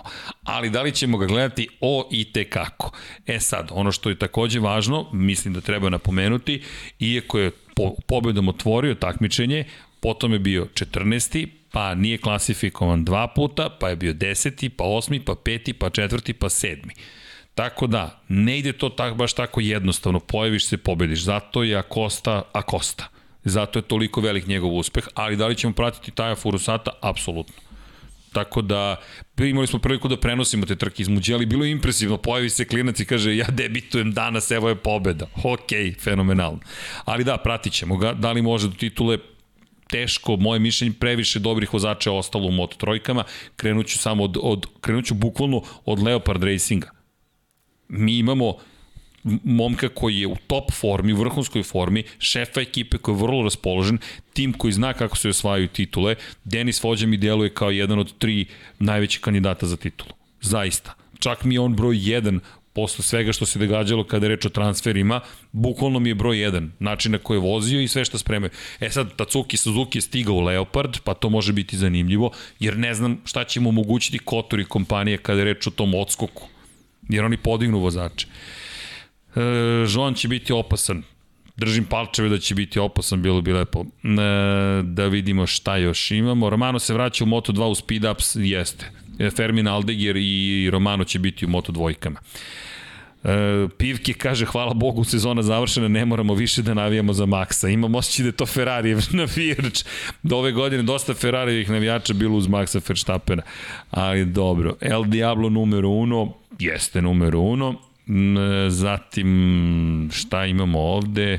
U, pobeže mi tekst, čekajte da bude poslednja trka. Sledeće godine valjda će u Moto Grand Prix poslednja trka da odluči pobednika. Bilo bi lepo, bilo ih je u prethodnim godinama. Bastianini, najveći rival Kvartararu, misli ZZ, nije nemoguće. Da, da nije Ducati možda previše pokazao na testu za 2022. s obzirom da ostalih timova nismo videli previše. Može biti, ali može biti i drugačije, da je Ducati toliko spreman da jednostavno je jedini došao spreman. A zamislite šta tek može da pripremi taj tim Ducatija. Ne znamo. Zaista ne znamo, čekamo. Mm, da li, da vaš komentar na oporavak MM, Marka Markeza imali vesti kako deluje? Pa nema novih vesti. Ali deluje dobro kada pogledate snimke sa društvenih mreža. Mm, da, to je neki prvi indikator tako smo pratili i razvoj pa ne, povrede ruke. u vidu, mislim, nije... Da. Ovaj poenta je da, da, se, da se taj nerv pre svega oporavi i vrati, vrati u normalu, tako da ali ja verujem da on zbog toga ne može u potpunosti da, da nastavi sa svojim fizičkim pripremama, to je sa fizičkim oporakom od prethodne velike povrede, tako da to je, to je u stvari glavna nepoznanica. Da, evo, neki šale, ali sve u redu. Ne mrzim ja nikoga, to autentično, to mogu da vam potvrdim 100%, ali vidim i da ste rekli da je šala u pitanju. Ne, ne, naprotiv, po, baš poštujemo sve vozače. Imate li neko pitanje? Ljudi, vidim da se zabavljate. Srki, ko ti je omiljeni vozač iz 90. iz MotoGP Superbike? Pa kao omiljeni vozač... E, ko mi, Troy Bayliss. D, pa Troy, tu, tu, zna, znaš ko mi... Evo ja ću da to govorim. Troj, mislim, ti, evo mogu da vam pokažem, čekaj, ja mislim da to postoji čak i na Facebooku, ali, ali sve sam ih volio Nitro Nori, kad krene da ona Yamaha kliza, ti ne znaš zašto se onako ponaša onaj motocikl, ali se ponaša. Pa da, ali ako vežeš Moto Grand Prix Superbike, Da, ne, Troy Bayliss. Troy Bayliss. Ali Troy Bayliss, ne, ljudi, Troy Bayliss uživa takvo ne poštovanje, nego super poštovanje u Ducatiju, da morate da odete bukvalno u Ducatijev muzej, ja mislim da i dan danas je to jedna od najvažnijih stvari koje stoji u tom muzeju. I sećam se kad smo bili prvi put u muzeju, koliko, s kojim poštovanjem se priča o Troju Bejlisu. I evo, postavit ću vam fotku, a ako imate još neko pitanjce, udrite, ovo je to konkretno, ja nađoh opet one naše fotke, deki. Kad god se vratim kroz vreme, dođem do Brna. Evo, pa evo, čekaj, evo, to mogu da vam podelim, pa vidite kako smo bili e, mladi. čekaj, neki ovo je prejako, moram ovo da podelim s ljudima. Evo vam jedna fotografija sa Facebooka. Da. Da, pa da, Troy Bayliss može tako. Očekivanje od Rosijevog tima. Pa. Učenje. Daš učenje, ali Marini, Marini je taj koji nosi ekipu. I Marini je taj koji, kaže, meni zanimljivo. Ma sve okej, okay, meni su tu više financije. Ovaj, kako će ta konstrukcija se završi, kako je sve počelo sa pričama o sponzorstvima, i, i Aramkom i svim i na kraju ništa se nije desilo, ovaj, to je u stvari meni veći problem. Da, jer tu je, i Rossi je to ponavljao koliko god Kad da krene postoji... sezona, tek će se u stvari shvatiti koliki su izdaci. Pa da, ali Rossi je tu bio zanimljiv vrlo iz perspektive toga što je rekao, ljudi, često se misli da Rossi ima beskonačnu količinu novca. Nema Nema. Ne, niti se razmišlja na taj način. I on je to i rekao, potrebno nam je više para jednostavno. Ne može on da, da, da bude taj koji će to da sponzoriše. Da, za bilo kog pojedinca, osim ako nije multimilijarder, a to Rossi nije, je to gotovo nemoguća misija. Jednostavno nemoguća misija, tako da njima su potrebni ozbiljni sponzori. Zato svi vole toliko Marka Van der Stratena, zato što je to milijarder koji se lepo zabavlja, a čak i on ima politiku da ti da pola budžeta, pola moraš da nađeš sam, inače si prosto suviše opušten i veruješ da će uvijek biti dovoljno para da radiš šta god hoćeš, ne može. Moraš da se potrudiš. I tako. Hvala, kasnim 10 minuta u odnosu na live. Dobro, stižete nas valjda. E, šta treba da se desi da ostale fabrike daju malo više motora šampionatu, da li može šampionat dogurati do 30 vozača?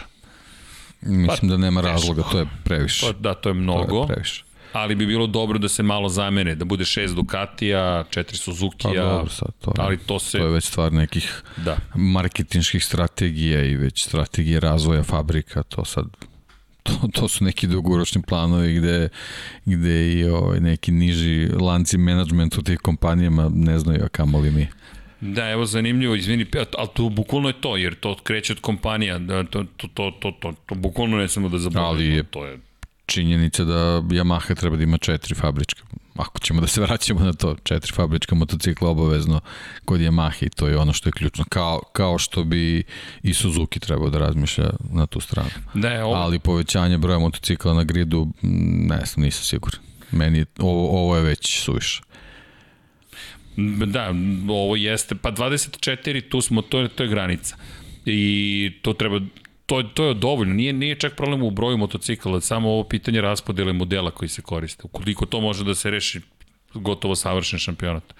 Inače, ovo je dobro pitanje, da li mislimo da, da će sledeće godine biti vrlo teško zapravo da se u supersportu voze da budu izjednačeni, s obzirom na činjenicu da je toliko otvorena kategorija. To nismo ni prodiskutovali, otvorena je klasa naredne godine, tako da imate, na primjer, četvorocilindrične šestotke, trocilindrične 675-ice, 750 kubika imamo dvocilindraše i prema novim pravilima Ducati Panigale V2 od 955 kubika, triple zapravo e, Triumfov od 765 koji je nastao iz Moto dvojke pa se preselio na ulicu i tako dalje i nova MV Agusa od 800 kubika F3RR će učestvovati u šampionatu kako će tu utititi na šestotke.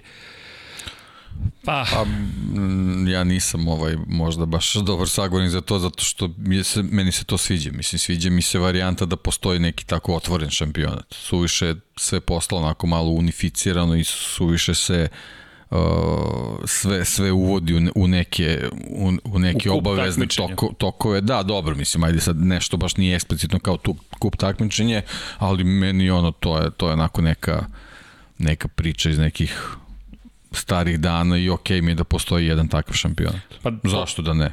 Pa to podsjeća na period kada smo imali sličnu situaciju u Superbajku. Jel tolike razlike apsolutno ne moraju da, da znači da će, da će dovesti do dominacije nekog motocikla.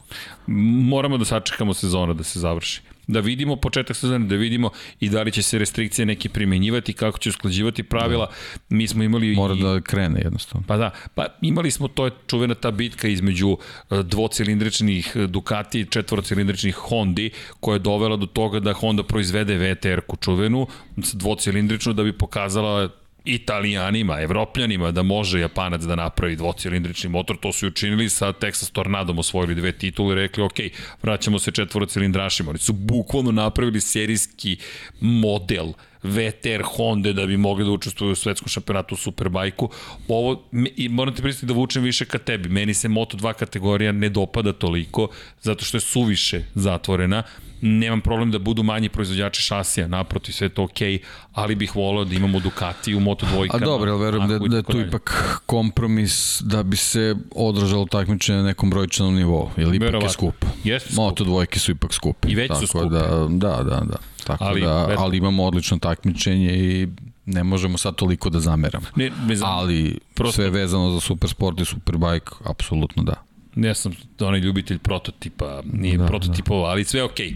Okay. Eto, super sport će nam dati neku raznolikost. Pa hajde da vidimo kako će proći taj eksperiment. Ali odlično pitanje, to nismo prokomentarisali. E sad, ko će s čim moći da se bori? Čujte, u to vreme su uspevali četvorocilindraši da se nekako i bore sa dvocilindrašima, iako su dvocilindraši imali veću zapreminu. Pa, hajde da sačekamo, da vidimo kako će to sve zajedno izgledati. Da, da, VTR, da, naravno da je ljubav. E, VTR, šta kažete to što je Max promenio broj 33 u broj 1 za sledeću sezonu? Tam zap s naše strane, dugo nismo videli broj 1, dajte da vidimo malo te brojeve, 1 to je nekad bila čast nositi, to, to je zabavno. Kako? Od Fetela, da, niko nije nosio broj 1. Pa Lewis Hamilton je jedini koji je mogao da brani titulu, nije, imao, nije nosio, Niko Rosberg se penzionicao po osvajanju titula. Mada bi tu bilo fora da je Hamilton nosio broj 0 ili da je Valtteri Bottas nosio broj 0. Pa ne, nažalost nema više tog pravila, tako, tako da prosto, pa meni Damon Hill uvijek će biti neverovatan zato ponovo, što dve godine za redom nosio broj 0. Ponovo kažem, amerikanizacija. Jeste. Vezano za te brojeve. Jeste.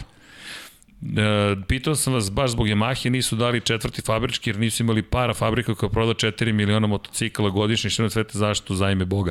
Pa ne, ne, nije stvar u parama, ni, stvar je... Para. Stav je pitanje. da, to je, to je neobjašnjivo. Zato ih je Deki prozivao 12 meseci, jer to nije pitanje para, inače ne proda 4, oni prodaju 9 miliona, iako ne i više, samo je pitanje koje modele posmatrate, ali Honda, samo, samo Indonezija. To je kao da u Malezija. prodavnici prodaješ uz novo motocikl, da prodaješ motocikl starije generacije. Mislim, ne, ne, nema... Ne, ne znam, ne, ne mogu uopšte da, da, da, da na logičan način ovaj, posmatram tu odluku. Da, evo je pitanje imamo. Ide li se u Katar u martu Boris Trutin? Pa bori se, ako neko znate ide. nekoga koji je poznat, ko, da neko, neko ide, ide. sigurno. Ali ako znate dobrog vodiča za Katar, pa eto, možda da nam pomognete oko te organizacije puta, pa da vidimo da se, da se ode u Katar. Da, da. Imamo li tri top kandidata za titulu sve tri kategorije vozači Senki mišljenja o onim najboljim rukima radiju su uh, ko čekajte i koji su vozači su imali najbolji transfer za ovu sezonu Luka, to je kompleksno pitanje, ali da pokušamo da odgovorimo. I da ne bismo došli do 3 sata odgovaranja pitanja, polako da se pozdravljamo. Šta vi kažete, kolega? Da ja mislim da bi to bilo sasvim u redu. Top 3 kandidata za titulu sve tri kategorije. Top 3 kandidata. Češ ti? Mislim, ja imam neke već ideje. Moram da razmislim sa ste me. Da te Vidi ovako. Moto Grand Prix, Peko Banjaja, to svakako mi ide u top 3, Fabio Quartararo da odbrani titulu i sad Mark Marquez ukoliko se Aha, po tri vozača i svake kategorije. Tako je, tako je, tako je. I Mark Marquez ukoliko se oporavi, ukoliko se ne oporavi, Joan Mir. Dobro, to je već pet. to je, pa dobro, ne, čet, pet čeka, ako pet, pa... Pa nemam pa ne, dobro, dobro. ne znam šta dobro. rekao. Da. E sad, Jorge Martin, hm, hm, Ne, stoje, to je već idem ka pet. Da, ne, da, da. već idem ka da. pet, polako, ali sigurno. Ali dobro, dobro, Martin može da bude veoma, veoma svakako opasan. U moto dvojkama, u moto dvojkama, i to će da bude otvorena bitka. Sam Lowe's. Sam Lowe's, Augusto Fernandez. Da, to, to je Augusto. Znaš šta, možda Jaronka ne. Ma to sam ti vi, bazi kad uvek, on od pa, uvek, ne vredi, uvek je to, je, uvek je to. Ali ajde, nije ne pretras, da, ali dobro, neka bude. Ajmo nekoga, neko, da. ti uzmi Kanejaću Fermina Aldegira. Može. Ajde, da bude Aldegier. iznenađenje. Aldegier, da bude da. iznenađenje. I u trojkama, u trojkama meni je zaista... Ne, u stvari ne mogu, pa ne mogu. Raketa mi je da. broj 1. Da raketa. Apsolutno. Znaš, da, da je neko drugo vreme, ne, ali ovako kada pogledam, zaista ne vidim da, da, da, da, da, da neko može da se meri. Jednostavno, Leopard mi djeluje spremno da, da osvoji titul. I mislim da ćemo sledeće godine gledati baš napad od prve trke. Da su naučili da je on naučio. Da, u stvari, početak sezona će biti nastavak ove. Ne pretpostavka, nego zaista mislim da bukvalno, tako da bude. Bukvalno, da. bukvalno. Tako da, eto, to, to, ali čekaj, ko su ostala dvojica? Ko su ostala dvojica? Masija. Masija. Može Masija. Mora da zablisti. Može mora, mora, on, on je stvarno veliki potencijal. Može. Ne, ne, može, ne može da mu se desi još jedna, još jedna ovakva sezona, a posebno ne gore. jednostavno Ko bi još? ne može. Znaš ko? Sergio Garcia. Sergio Garcia. I on je dosta naučio ove godine. Da, mislim da je on naučio. Da. Zaboravljen jer ga nije bilo od povrede u, iz Amerike, ali Sergio Garcia. Eto, to su tri. A u Moto E, u Moto E, u Moto E Dominik Egert. Dobro, ja sad nisam, mislim da je nisam ispratio. Da, Mislim da je Egerter produžio. jeste, da, ali da, u stvari on je 3-2-1, Tako je. trebalo bi tako da bude, da, da. Tako da, eto. da. Egerter, Ne znam ko je sve Granado, ostao, pa ne znam, Granado, da li je Jeste, ostao? i Jeste, Torres. Jeste, da. Pa opet isto, Ista da, da, priča. da. Da. Eto. E sad, male zadrška, drugačiji su motocikli. E, jest. Sad je Da. stil vožnje će možda biti drugačiji, vidjet ćemo. Ne, ali ček, ne, ne, od sledeće godine Energika i Ili- dalje. ili dalje Energica, Energica, jeste, e, pa dobro, jeste, samo što da. mislim da će, da će ove sledeće godine imati krug više, to im je bio plan. Samo je to. Mhm. Da, mislim ja da sam će se imati- prebacio, mislio sam da je a Ducati 2000 već. Aha, sve 23. okej, sve stiže okej. Ducati, da, da, da. Sve okej, sve okej. Da, inače, evo, kaže bukvalo Peko Fabio Morbidelli, može. Franko, Franko će biti opasan. Uš, pa eto, birajte, već imamo Da, ali 5-6 to, je, vozača. to je, su već dve, dve Yamahe, tako da to je, vidjet ćemo. Bilo bi super, ali Da, ono što ste Igor pričali, Yamaha ove godine stvarno neko koji senke osvojila sve što je mogla da osvoji, ali sve, dva vozača, to je, no dobro, okej. okay. ko zna. Nek bude, nek Oni bude. nisu, znaju oni to da organizuju. Edo, Edo, ajmo u Katar svi zajedno, ajmo. Nema problema. Čim završimo elektrotrku, pakujemo se i putujemo. I da odgovorimo još jedno pitanje, Stefan Kuzmanović, da li možete da izvodite nekog inženjera u Moto Grand Prix kao što je, na primjer, Adrian Newey u Formuli 1? Pa jedini koga ja mogu tako da posmatram da nije trkački inženjer vozača kojih smo imali, imali smo, pa m, pr- možete da krenete i od Jeremy Burgessa, čuvenog inženjera Valentina Rosija, preko hajde da kažemo... Pa da, ali oni su svi vezani za pripremu Tako je za motocikla, pripremu nisu, motora, nisu ali za jedan, razvoj. Da, za jedan, E, onda jedan jedini se izdvaja i to je Luigi Dalinja. Tako je. Apsolutno, Luigi Dalinja je radio na razvoju. Inovacije, je. inovacije, to je to. On je čovjek Apriliju vodio i u 250 kubika i u Superbajku i osvajao titule i onda je došao u Ducati i pretvorio ga u realno najbolji motocikl, najkompletniji motocikl svakako. E, inače, dobili smo odgovor, evo, šalju ovde, Toprak razgatli oglu, implementirao je broj 1, Igor Gašparić je poslao u 54-ku. Tako da je, eto, to, to je odgovor, ali pre nego što se odjavimo moramo još jednu stvar da učinimo, jer deki zašto? Zato što smo maksimalno dobri u svojoj priči, a kada smo maksimalno dobri pričamo o kome ili čemu, ha, o OMV-u pričamo, e ljudi hvala, nadam se da će OMV produžiti sponzorstvo najbolje emisije u automotosportu i šire i podcasta i koncepta i zajednice, ali pred nego što se to desi, Hvala još jednom, OMV Max Motion Super 100 Plus gorivo, to je gorivo koje biramo ovog meseca, štipa se gorivo na OMV-u. Ako se ipate na OMV-u, podržite Lab 76, udrite hashtag, fotografiju i pošaljite Twitter, Instagram, Facebook, TikTok, gde god. OMV Max Motion Super 100 Plus, koji inače ispunjava najviše standarde svetske povelje o gorivu, Worldwide Fuel Charter, WWFC, kategorije 6, koja omogućava najveću efikasnost motora i minimalnu emisiju izduvnih gasova. Ponavljamo celog meseca i nastavit ćemo, nadam se, još nešto da promovišemo iz OMV-a. Standardi i zahtev industrije koji su se poslednjih godina značajno razvili su doveli do toga da u skladu sa njima OMV napravi još jedan važan korak napred, a to je da dokaže kvalitet svog premium benzina Max Motion Super 100 Plus time što je došao do kategorije broj 6 koja ispunjava apsolutno najviše standarde kada je reč o svetskoj povelju o gorivu benzina. Tako da Max Motion Super 100 Plus kao najbolji izbor za najsofisticiranije tehnologije motora. Konačno, i uvek ponavljamo, ko bira Max Motion, bira Miloš Pavlović, tako da ne možete imati bolju preporuku od toga. Uz Lab 76 mi se nadamo da je to ćete iskoristiti priliku da sipate gorivo kategorije 6, posetite OMV, fotnete se, postavite hashtag Lab76, mi to podelimo dalje i kažemo to je to. Još veća podrška, tako da OMV Max Motion Super 100 Plus za one koji žele najbolje gorivo. Vanja, it's all yours. OMV. Energija za bolji život.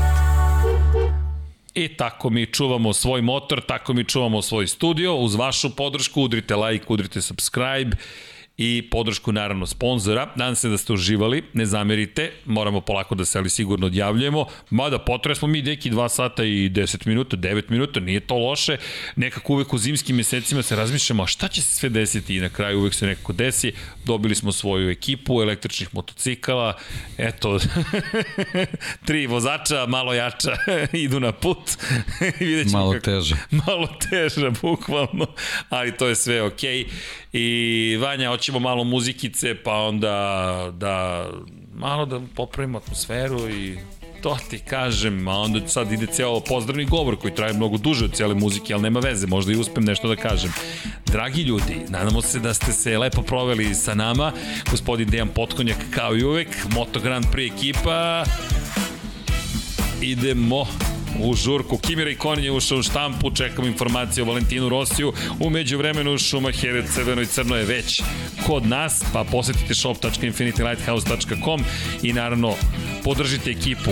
Pored toga, pošaljite neki lep SMS, podržite neko dete, nekog, nekog devojku, devojčicu, ženu, čoveka, bilo koga, gde god da ste nešto lepo učinite, mazite se i pazite se, vodite i vozite računa jedni u drugima, budite dobri, 917 30 30, 11 78, 11 58 30 30, Human 917, Human 11 58, Human 11 78 na 455 u Švajcarskoj i gde god da ste. Ekipa Infinity Lighthouse-a vam želi laku noć, lep provod šta god da planirate ovih dana. 99 yardi gledajte u petak i ispratit ćemo kartingaše sledećeg utorka da vidimo šta su uradili i kako su uradili. To ne smemo da zaboravimo jer smo najavili. Samim tim, šta kaže novinarski zanat, ako si najavio, moraš i da izvestiš o tom događaju, tako da ćemo izvestiti, a sledeće srede, ko zna, možda budemo imali gosta u, ili gošću u studiju. Pratite naravno Lab 76, udrite subscribe, notifikacije i saznaćete svi zajedno. Želimo vam laku noć i naravno, čao svima! Ćao svima.